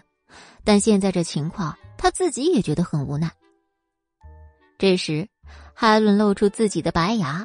举着自己牵着齐军的手说：“老头儿，你可看清楚，是我牵着他。”老爷子感觉自己血压一下就飙高了。海伦不知道是顾及老爷子还是顾及齐军，终于松开了齐军的手。干嘛叫齐军？怎么？据我所知，他还不是你男人。我叫一下怎么了？齐军感觉自己背后出了冷汗，这老头果然不是一般的男人。哈伦是没有看出来的，可是老爷子是什么人呢？他缓和了语气对齐军说：“你叫我老爷子就可以了，大家都是这么叫的。齐军呐，你和丫头发生的所有事情我都知道，所以你不用惊讶，也不用猜疑什么。”放松做自己就可以。晚辈齐军，见过老爷子。这次来的实在唐突，还望老爷子见谅。你看，我都说了让你做你自己，你现在这个样子也太官方了吧？唐突什么呀？我还要谢谢你把海伦给我带回来了呢。你这老头说话怎么一套一套的？齐军是我请来做客的朋友，倒是你自己。怎么还打起点滴了？我不是让你好好照顾身体吗？嘿嘿，我这个输液是为了骗你回家才输的，这里面是葡萄糖。一会儿想吃什么，让阿彪吩咐下人去做。海伦知道老爷子在开玩笑，这个岁数的人肯定是身体真的出了问题。不过海伦没有戳穿老爷子说的话，他抛弃了这个话题。齐军主动解围。然后，阿彪默默的退了出去。屋子里，三个人其乐融融的开始聊起了天儿。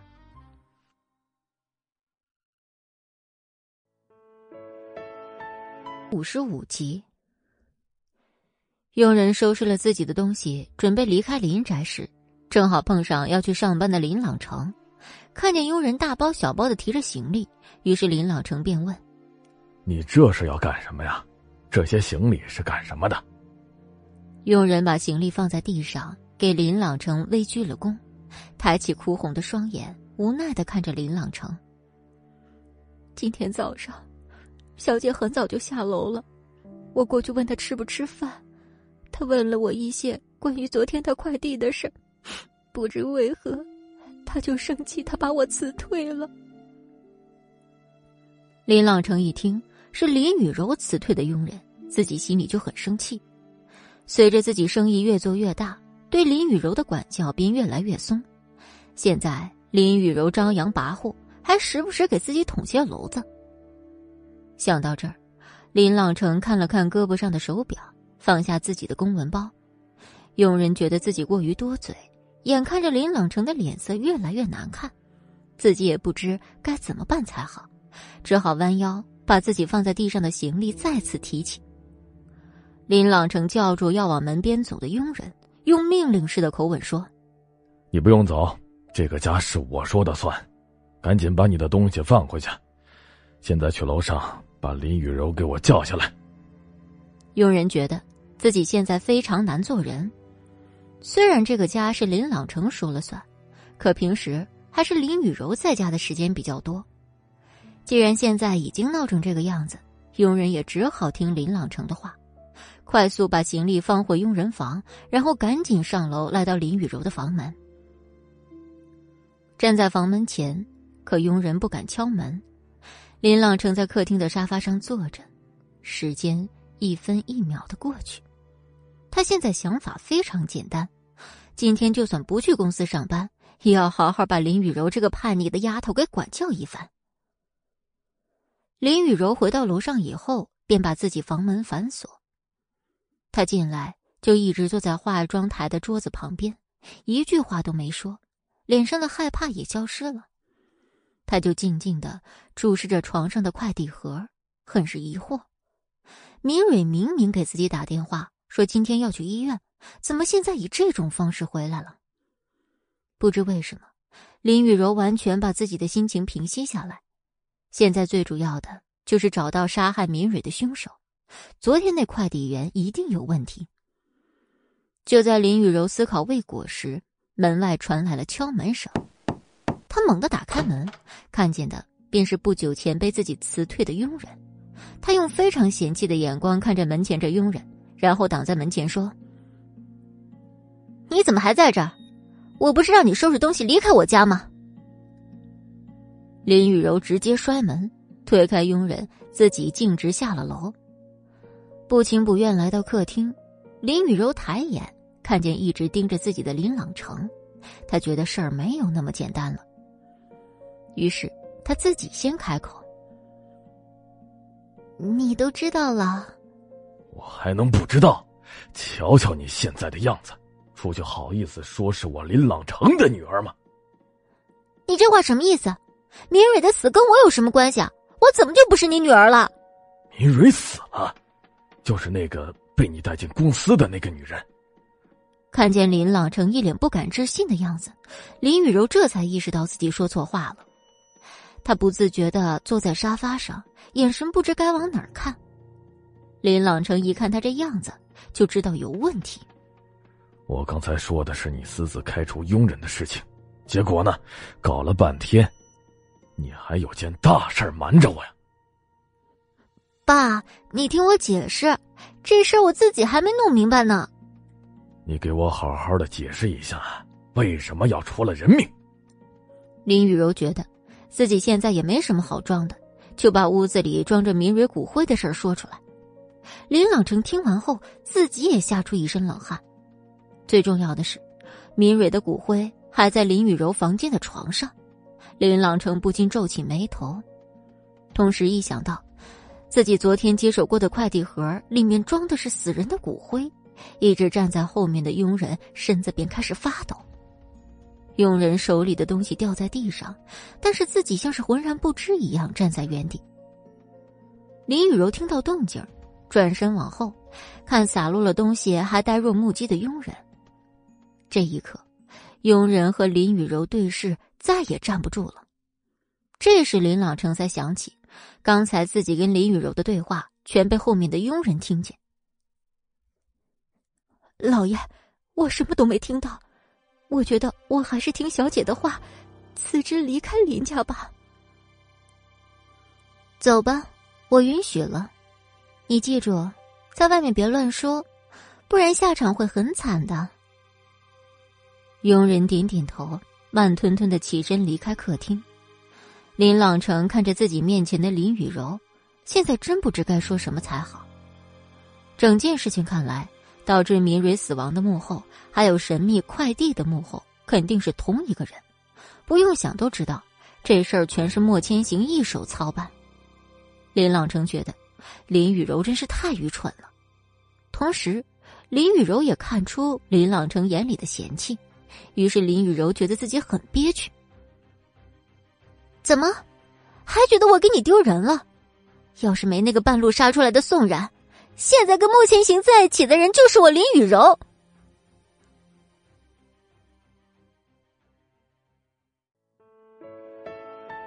五十六集，林朗成没有回复林雨柔，他直接起身离开了客厅。林雨柔在沙发上坐着，觉得很是委屈，明明自己也是受害者。看着林朗成的背影，再加上冷冷清清的客厅。他窝在沙发上，心底油然而生了挫败感。现在还不清楚明蕊的死因，林雨柔平养了这么久的人说没就没了，他真的觉得自己这几个月就是瞎忙活。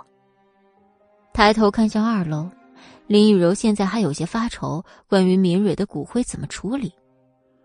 可这样一直在这空想也没有用，他干脆起身走向自己的房间，推开门，便看见安静待在床上的敏蕊。林雨柔只好冲着骨灰盒笑了笑。她走向前，抱住这快递盒，然后把这快递重新打包好。美国，齐军跟老爷子在聊天时，觉得自己真是受益匪浅。海伦在一旁看着这温馨的画面，自己不禁觉得老爷子一个人待在这古堡里，确实太孤独了。老爷子感受到海伦的目光，笑眯眯的对海伦说。泡好了茶就端过来呀，傻丫头在愣什么神呢？啊，老头儿，你看齐军这人怎么样？海伦把泡好的茶端过，老爷子接了，笑而不语。齐军在一旁低头喝茶，但自己心里其实很在意这个长辈的看法。齐军，那你觉得老爷子怎么样？老爷子是一个非常有趣的人。我觉得你的古灵精怪，应该就是随着老爷子呢。这话是说到老爷子心坎里了。哼，齐军，你现在说话也太敷衍了，我不乐意听你说这些官方的客套话，酸。别人怎么看不重要，最重要的是自己要能够认清自己的定位在哪里。哈伦从小就听多了老头这些话，所以。自己是典型的左耳出右耳进，倒是齐军听得很认真。老爷子又悄悄去注意齐军的一举一动，自己对于海伦带回来这年轻人，心里是很满意的。这时，阿彪敲门进来：“海伦小姐，厨房这边都准备就绪了。”老爷子在旁摇头，齐军表示疑惑，于是看向海伦：“你要下厨房做饭？”“是的。”本人一直缺少一个下厨展示自己的机会，我觉得今天非常合适。没等齐军说话，海伦一蹦一跳的跟阿彪离开了老爷子的房间。这下，房间里就只剩下齐军还有老爷子。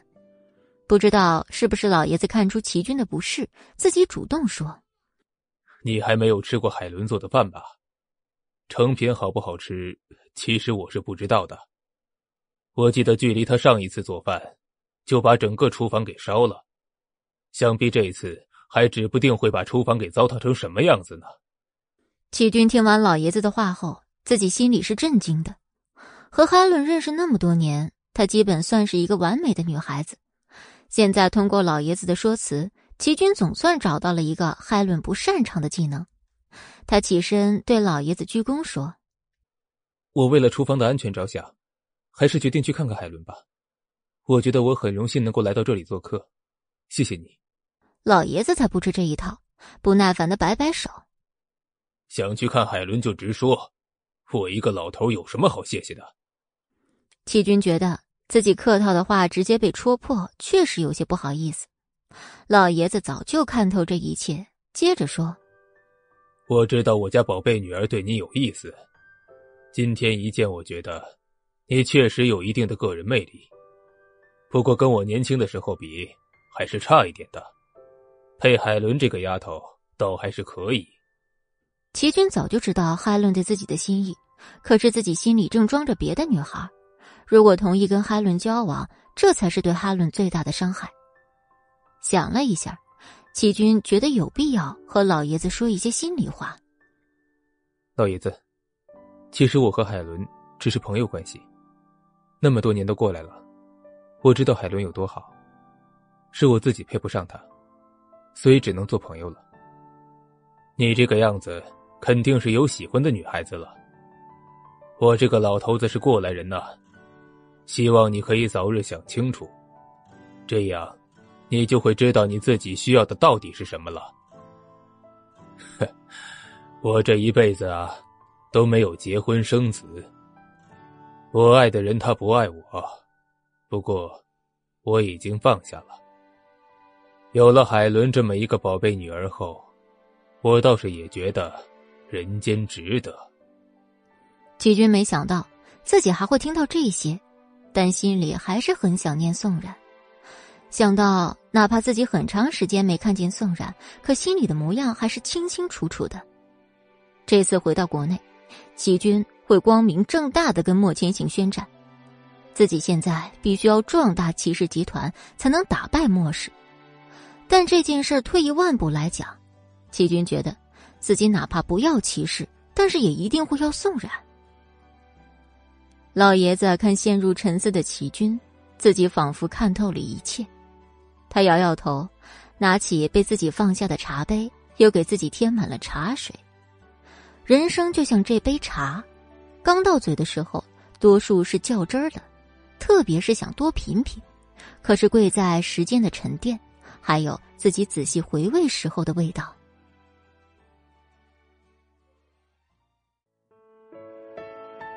五十七集，宋冉知道明蕊去世了。但他并不知道米蕊尸体的后续是怎么样的。自己被莫千行告知有怀孕的身体之后，每一天都过得非常充实。那个给宋冉误诊的医生就像是凭空消失般。现在这家医院里已经完全没有这医生存在的痕迹。至于那个医生去了哪儿，那就要从字幕去处理米蕊尸体时说起。莫千行利用小静查到黑心医生的账号。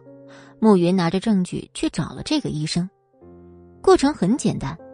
医生看见铁证后，便知自己没有退路，他求暮云放过他家人，然后直接将敏蕊交代的事情全过程透露。得知一切是敏蕊计划好的，莫千行本人并不惊讶。暮云说这些时，宋冉就在旁边，莫千行悄悄的注意他的反应。待暮云说完这一切。宋冉只是静静的摸上自己的肚子，然后便没什么其他的反应了。莫千行很是心疼，他默默的把宋冉揽进自己的怀里。宋冉感觉到莫千行的温度，然后用自己的实际行动来回应着莫千行的拥抱。莫千行觉得自己的怀里好像有些湿润，他知道这是宋冉哭了。宋冉哭的原因有两个，第一。是因为害怕，他根本没想到敏蕊会对自己下狠手。第二，便是因为得知自己身体是健康的，流下了感动的泪水。宋冉的心情现在已经完全恢复，莫千行也算是放心。今天下班以后，他没有直接回家，而是和小静开车开了半个多小时，来到莫千行的秘密基地。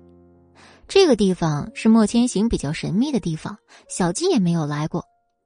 到了以后，小静先行下车，通过自己的电脑连接数据，直到电脑里显现出影像，这才给车里的莫千行开门。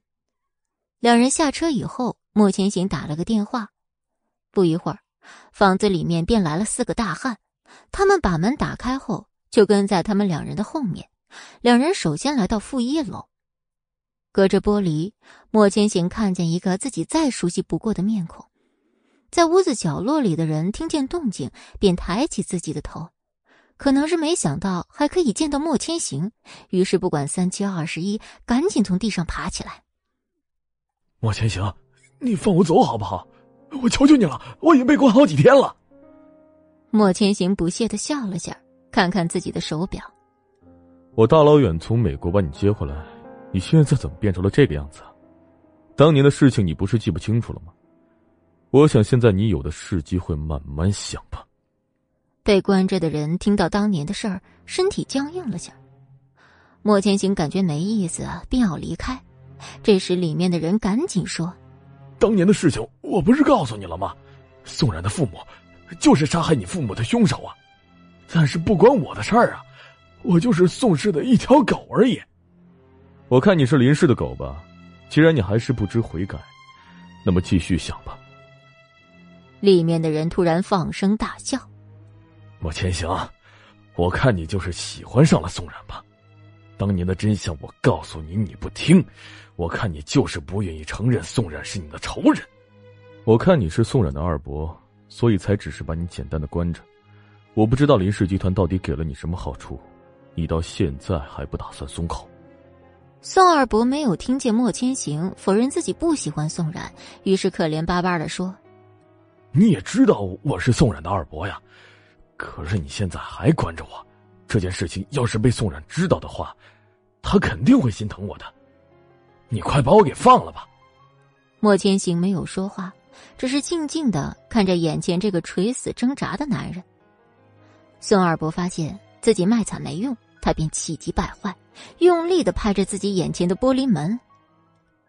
本以为我被一个外国女人带回美国，就可以从此逃离了当年的恩恩怨怨，但是没有想到还是被你给抓回来了。莫千行，有本事你就把我给折磨死！死，死对你来说有什么可怕的？活着才是你害怕的。你说我说的对吗？宋二伯一屁股坐在地上，眼睛里已经没有了光。莫千行没有再说话，直接离开了关着宋二伯的地方。再往里面走的另一个崭新房间，关着一个老熟人儿。最近过得怎么样？听见莫千行的声音，里面那人起身走过来。你什么时候才能放我出去？我想雨柔，我到底什么时候才能出去啊？快了，快了，等我忙完这段时间就把你接出去，到时你就自由了。里面的人听见莫千行的话后，自己便慢慢的又回到了床上。莫千行看见他这个样子，于是把小静的手机贴上玻璃门。王亮，你看，这是什么？本来王亮是不想看的，他瞥了一眼就认出手机上的人是林雨柔，他赶紧起身跑过来，用手戳了戳玻璃，手机屏幕上是林雨柔的一张照片。可是，对一个已经有些癫狂的男人来说，就是救命稻草。他对着手机露出色情的表情说：“这是我表妹林雨柔，她第一个孩子可能就是我的呢。可是那么久没有见了，我都快忘了她是什么味道了。”莫千行得到自己想要的答案后，便把手机收起，离开负一楼。这次来到这个基地，就是看望一下被抓来不久的宋二伯。让莫千行没想到的是，当年的事儿他怎么都不肯说出真相。一个那么大岁数的男人，真是不知林氏集团给了他什么样的好处。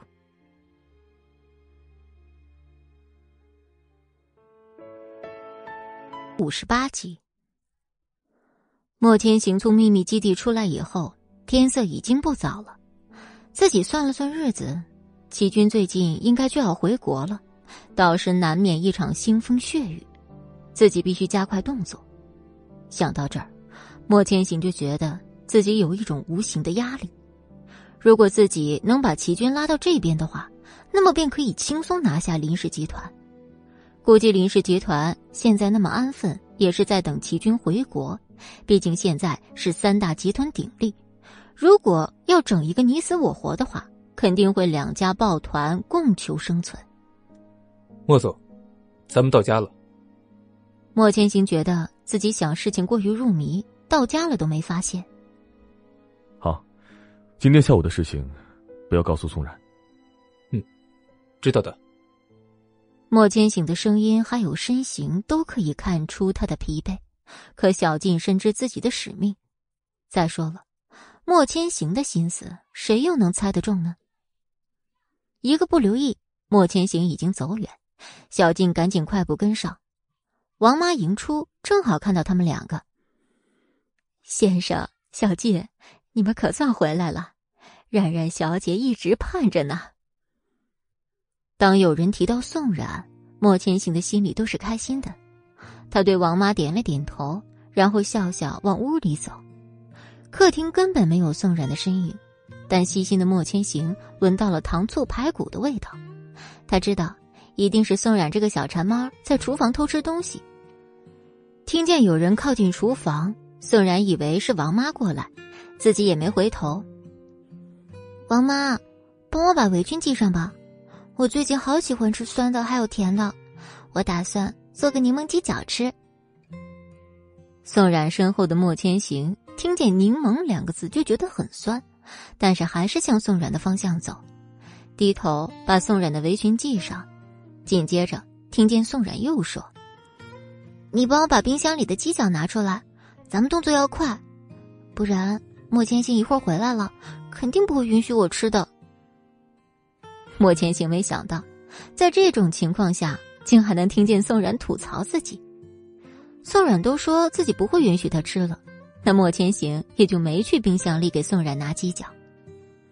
宋冉该备的材料都备好，可王妈却迟迟没给自己拿鸡脚。她以为王妈有事出去了，于是打算自己去拿。结果一转身，就看到身后双手抱于胸前的莫千行。你，你怎么在这儿？你进来怎么不跟我打声招呼啊？你吓死我了！我刚进来就被你指挥给你系围裙，给你帮了忙以后还被你吐槽，我哪有什么机会说话？鸡脚比我还重要。不知道为什么，宋冉觉得。莫千行说的话中带着一股酸味儿，他顺手拿了刚切了一半的柠檬，舔了一口，对莫千行说：“我哪是吐槽你啊，鸡脚哪有你重要呀？”莫千行抓着他的胳膊，拒绝他再向前靠近自己。宋冉拿着柠檬，像是要戏弄莫千行似的，可是被他识破了。宋冉耸耸肩，觉得没劲，他又舔了口手里的柠檬。莫千行看宋冉这粗鲁的动作，于是发自内心的问：“宋冉，你是受了什么刺激啊？柠檬，柠檬是你这样吃的吗？”宋冉看莫千行一脸不敢置信的模样，自己膨胀了一丝成就感。为了证明自己吃柠檬的功底，宋冉再次舔了一口。莫千行看王妈进来，自己便要出去，看见宋冉手里的柠檬，王妈笑着打趣儿。冉冉小姐，你该不会是怀孕了吧？老话说得好，酸儿辣女。这句话让要走出厨房的莫千行停住了脚步，同时宋冉手里的柠檬也因为王妈这话掉在了地上。王妈还以为自己说错了什么话。先生，我就是开个玩笑。冉冉小姐啊，柠檬掉了，我再给你拿一半新的吧。宋冉呆呆的摇摇头，眼睛一直盯着莫千行。莫千行没看王妈，直接转身进来，牵起宋冉的手，两人一起从厨房走出。这可把王妈吓坏了。小静看两人快速走出来，后面还跟了个王妈，她赶紧从沙发上站起，然后莫千行便牵着宋冉坐到了沙发上，声音略显颤抖：“你，你是从什么时候开始喜欢吃酸的？”宋冉听见王妈的话后，自己的脑袋都是空白的。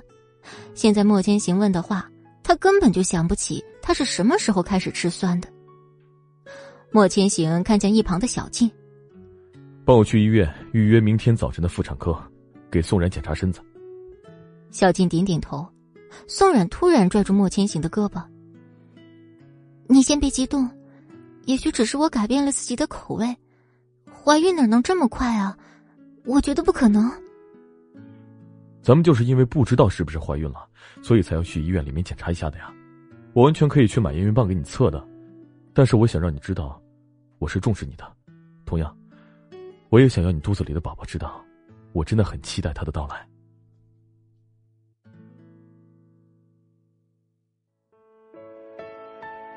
第四百五十九集，宋冉完全没想到。莫千行会这么好说话，自己现在被感动的不得了。他用力的点点头说：“好，那咱们明天去医院看看。”就在小静还有王妈正感动的时候，莫千行一记目光扫过来，这两人明白了莫千行的意思，没有一丝留恋的赶紧从客厅离开了。莫千行看见没有了电灯泡，这才轻轻的亲了一口宋冉的额头。美国，齐军来到厨房门口，稍微的打量一下这个厨房。他的内心认为，现在的厨房已经被海伦拆的差不多了，但好像还可以拯救一下。齐军再三确认进去不会有生命危险后，这才小心翼翼的走进去。听见脚步声，海伦拿着大勺子就把身子转过来。阿彪，不是不让你进了吗？齐军觉得自己预判有误，现在这大勺子要打到自己脸上了。海伦看见来人是齐军，抡着大勺的手硬生生停在距离齐军脸上的不远处。看见自己的手把位置控制的非常好，海伦松了口气。啊，我亲爱的海伦小姐，我才出院，你不会是还想要把我送回去做手术吧？没有没有，我哪知道是你进来啊？进来的要是阿彪，我这一勺他肯定能躲过去。齐军觉得自己一下子没什么好说的，转身要走。哈伦看这样子怎么能行呢？赶紧拽住齐军要走的胳膊。对不起嘛，我又不是故意的。你怎么来了？老头子让你来的。齐军把哈伦的手打掉，找了个非常干净的地方靠在上面说：“老爷子说你上次做饭，差点把古堡给烧了。我比较好奇你的功力，于是我自己要求过来看的。”哪儿那么严重？我就烧了一个厨房而已，古堡不是好好的吗？老头就知道造我的谣言。齐军点点头，指了指海伦的身后。海伦跟随齐军的手指向后看，结果看见烧起来的油锅。他第一时间不是处理正在烧的锅，而是跑到齐军身后大喊：“救命啊！”齐军没绷住，差点笑出声，非常淡定的说。我看再这样下去啊，这个古堡确实要烧着了呢。今天算是见识着了。你快帮帮我！我不想去找阿彪，那我也太没面子了。我只能靠你了。虽然又提到那个阿彪，但最后这句话让齐军很受用。他把海伦抱着自己腰的手松开，大胆的走向那个冒火的油锅。海伦离开了齐军这人肉盾牌。然后自己便伸手把眼睛给挡上。过了一会儿，海伦听到刀切东西的动静，这才缓缓把挡住眼睛的手拿开。映入眼帘的便是正在切菜的齐军。看见锅已经不冒烟了，于是海伦便恢复了自己平时的模样。我还以为你要一直闭着眼睛，直到我把菜做完呢，没想到这么快就睁开眼睛了呀。谢谢你啊，齐军。齐军把最后一点胡萝卜切完，抬头给海伦的额头一个闪弹，没有任何防备的暴力，把海伦打得呲牙咧嘴。就在海伦打算伸手报复回来时，他听齐军说：“明天回国吧，我给你做我的拿手好菜。”海伦本来还打算让齐军多留在古堡几天，毕竟现在是在自己的地盘上。但是当齐军对自己说出这句话时，他竟鬼使神差的点头答应了。齐军看海伦这呆呆傻傻的样子，得意的笑了。海伦看着齐军做菜的样子，他觉得这一切就是一种享受。海伦看了看时间，还很充足，自己开始细细品味刚才齐军对他说的话。最后一句，他略显疑惑。对了。你的拿手菜是什么呀？现在还不能告诉你，但是你可以猜一猜。我已经很少做饭了，到时候你就知道了。我觉得你就是在骗我，我才不猜呢。我再怎么骗你，肯定没有你要下厨这件事情的骗局大。你看看这个厨房，被你糟蹋成什么样子了？唉，太惨喽。海伦听见齐军打趣儿自己，但是自己又没办法反抗。他拿起一个苹果，一口一口的吃着，发泄自己的不满。就在自己快把苹果吃完时，他看见一盘色香味俱全的蛋炒饭出现在自己面前。只是闻着味道，海伦就开始相信他真的有一道拿手好菜了。在自己趁着齐军不注意偷吃一口时，齐军已经把盘子端来。气急败坏的海伦跟上齐军的步伐。你不接着做，这不就是普通的蛋炒饭吗？先给我吃几口，怎么了？你也太小气了吧！要是等你做出来饭，老爷子肯定会饿死了。你还是让下人赶紧做饭吧。我先把蛋炒饭给老爷子端过去。你给我停下！我不管，我要吃第一口，不然我就不给你订明天的飞机票。其实这个要挟对齐军来说完全构不成任何威胁，但他还是乖乖的停下来给海伦尝了第一口。吃上了齐军做饭的第一口，海伦心情大好。齐军看着在自己跟前一蹦一跳的海伦，心情也跟着变好了。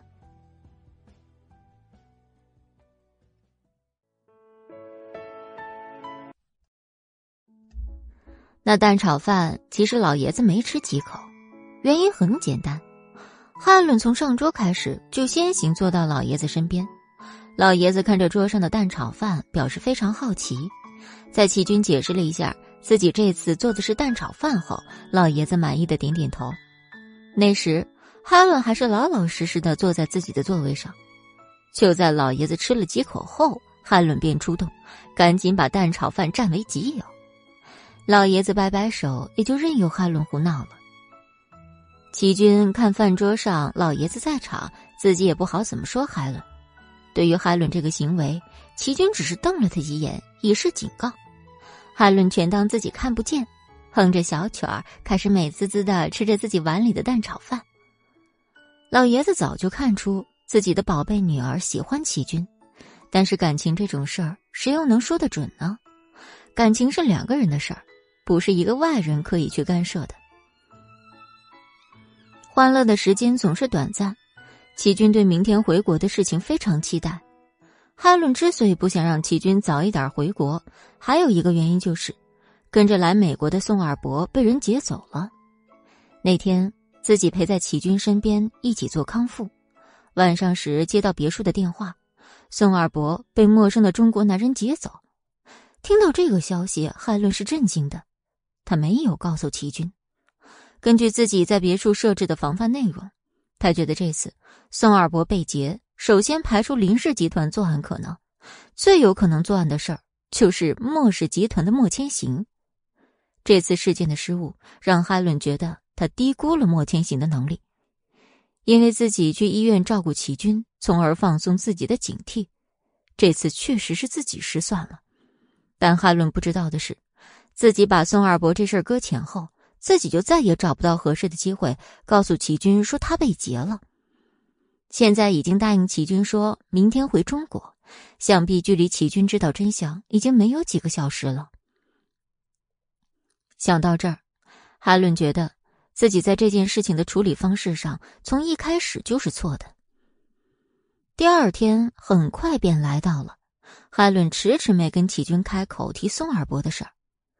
阿彪送他们去机场时，细心的发现哈伦的不对劲儿，于是齐军去取票时，阿彪看着哈伦说：“小姐，你是舍不得老爷子吗？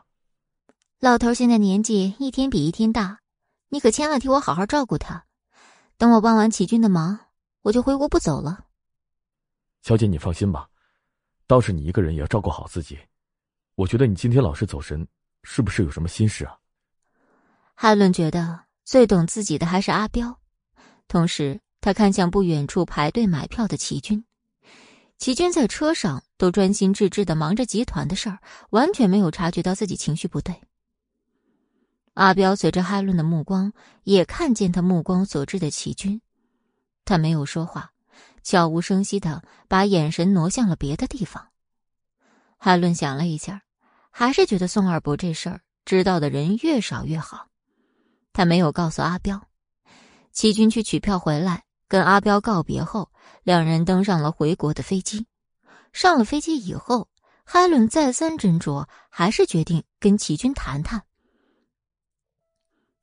嗯，齐军，有件事情我一直没有告诉你，但是我觉得现在需要跟你说一声。我觉得你变了，怎么没有以前洒脱了？有什么事情你就说呗，我听着呢。当时咱们接触到宋二伯，你是答应他带他来美国，开启一份新生活的，对吧？我不是让你去见他了吗？只要他说出当年的事情，那么他之后在美国都是自由的了。我还没去见他，还有就是，我想他现在应该不在美国了。你这话是什么意思？你应该也知道。咱们当初和他接触上有多麻烦，现在我们都在飞机上了，你告诉我宋二伯不见了。韩伦没有说话，默默的把自己的头低下。齐军现在非常生气，所以他看见哈伦低着头，心中的火一下就上来了。最重要的是，咱们费了那么大的力气，现在宋二伯竟然跑了，从你海伦的手里跑了。这还是齐军第一次以这种形式凶哈伦。不知为什么，哈伦觉得这事儿虽是自己的过失，可他心中更多的是委屈。可能是齐军也感觉到自己刚才情绪失控，于是缓和了会儿后，主动说：“对不起，刚才是我太激动了。这件事儿本来就是我的错，我不怪你。我小看了莫千行这个男人。你有证据吗？还是怀疑是他做的？”海伦把平板递给齐军，调出宋二伯那天在别墅的监控。晚上本来视野就受阻，加上黑衣人刻意去伪装，齐军仔细的看了一遍，还是看不出到底是谁劫走了宋二伯。不过能把计划做的这样滴水不漏，就目前的情况来看，他心里面的推测也是莫千行。一番谈论后，齐军觉得这次回国一定要好好注意一下莫千行的动向。接下来两个人的关系。好像又恢复到了刚上飞机前的样子，其乐融融。但大家心里都清楚，宋二伯被劫走的事儿已经打破了他们虚假的美好。B 市，美好的第二天就这样悄无声息的到来。早上八点，宋冉定的闹钟响了，没有叫醒熟睡的宋冉，倒是把好不容易能睡个懒觉的莫千行给吵起来。他受不了动静，只好爬起来把烦人的闹钟关掉，然后瞥见了雷打不动还在熟睡的宋冉。莫千行对自己养的这只小懒猪还是非常满意的，躺进被窝里后，还不忘把宋冉揽进自己怀里来。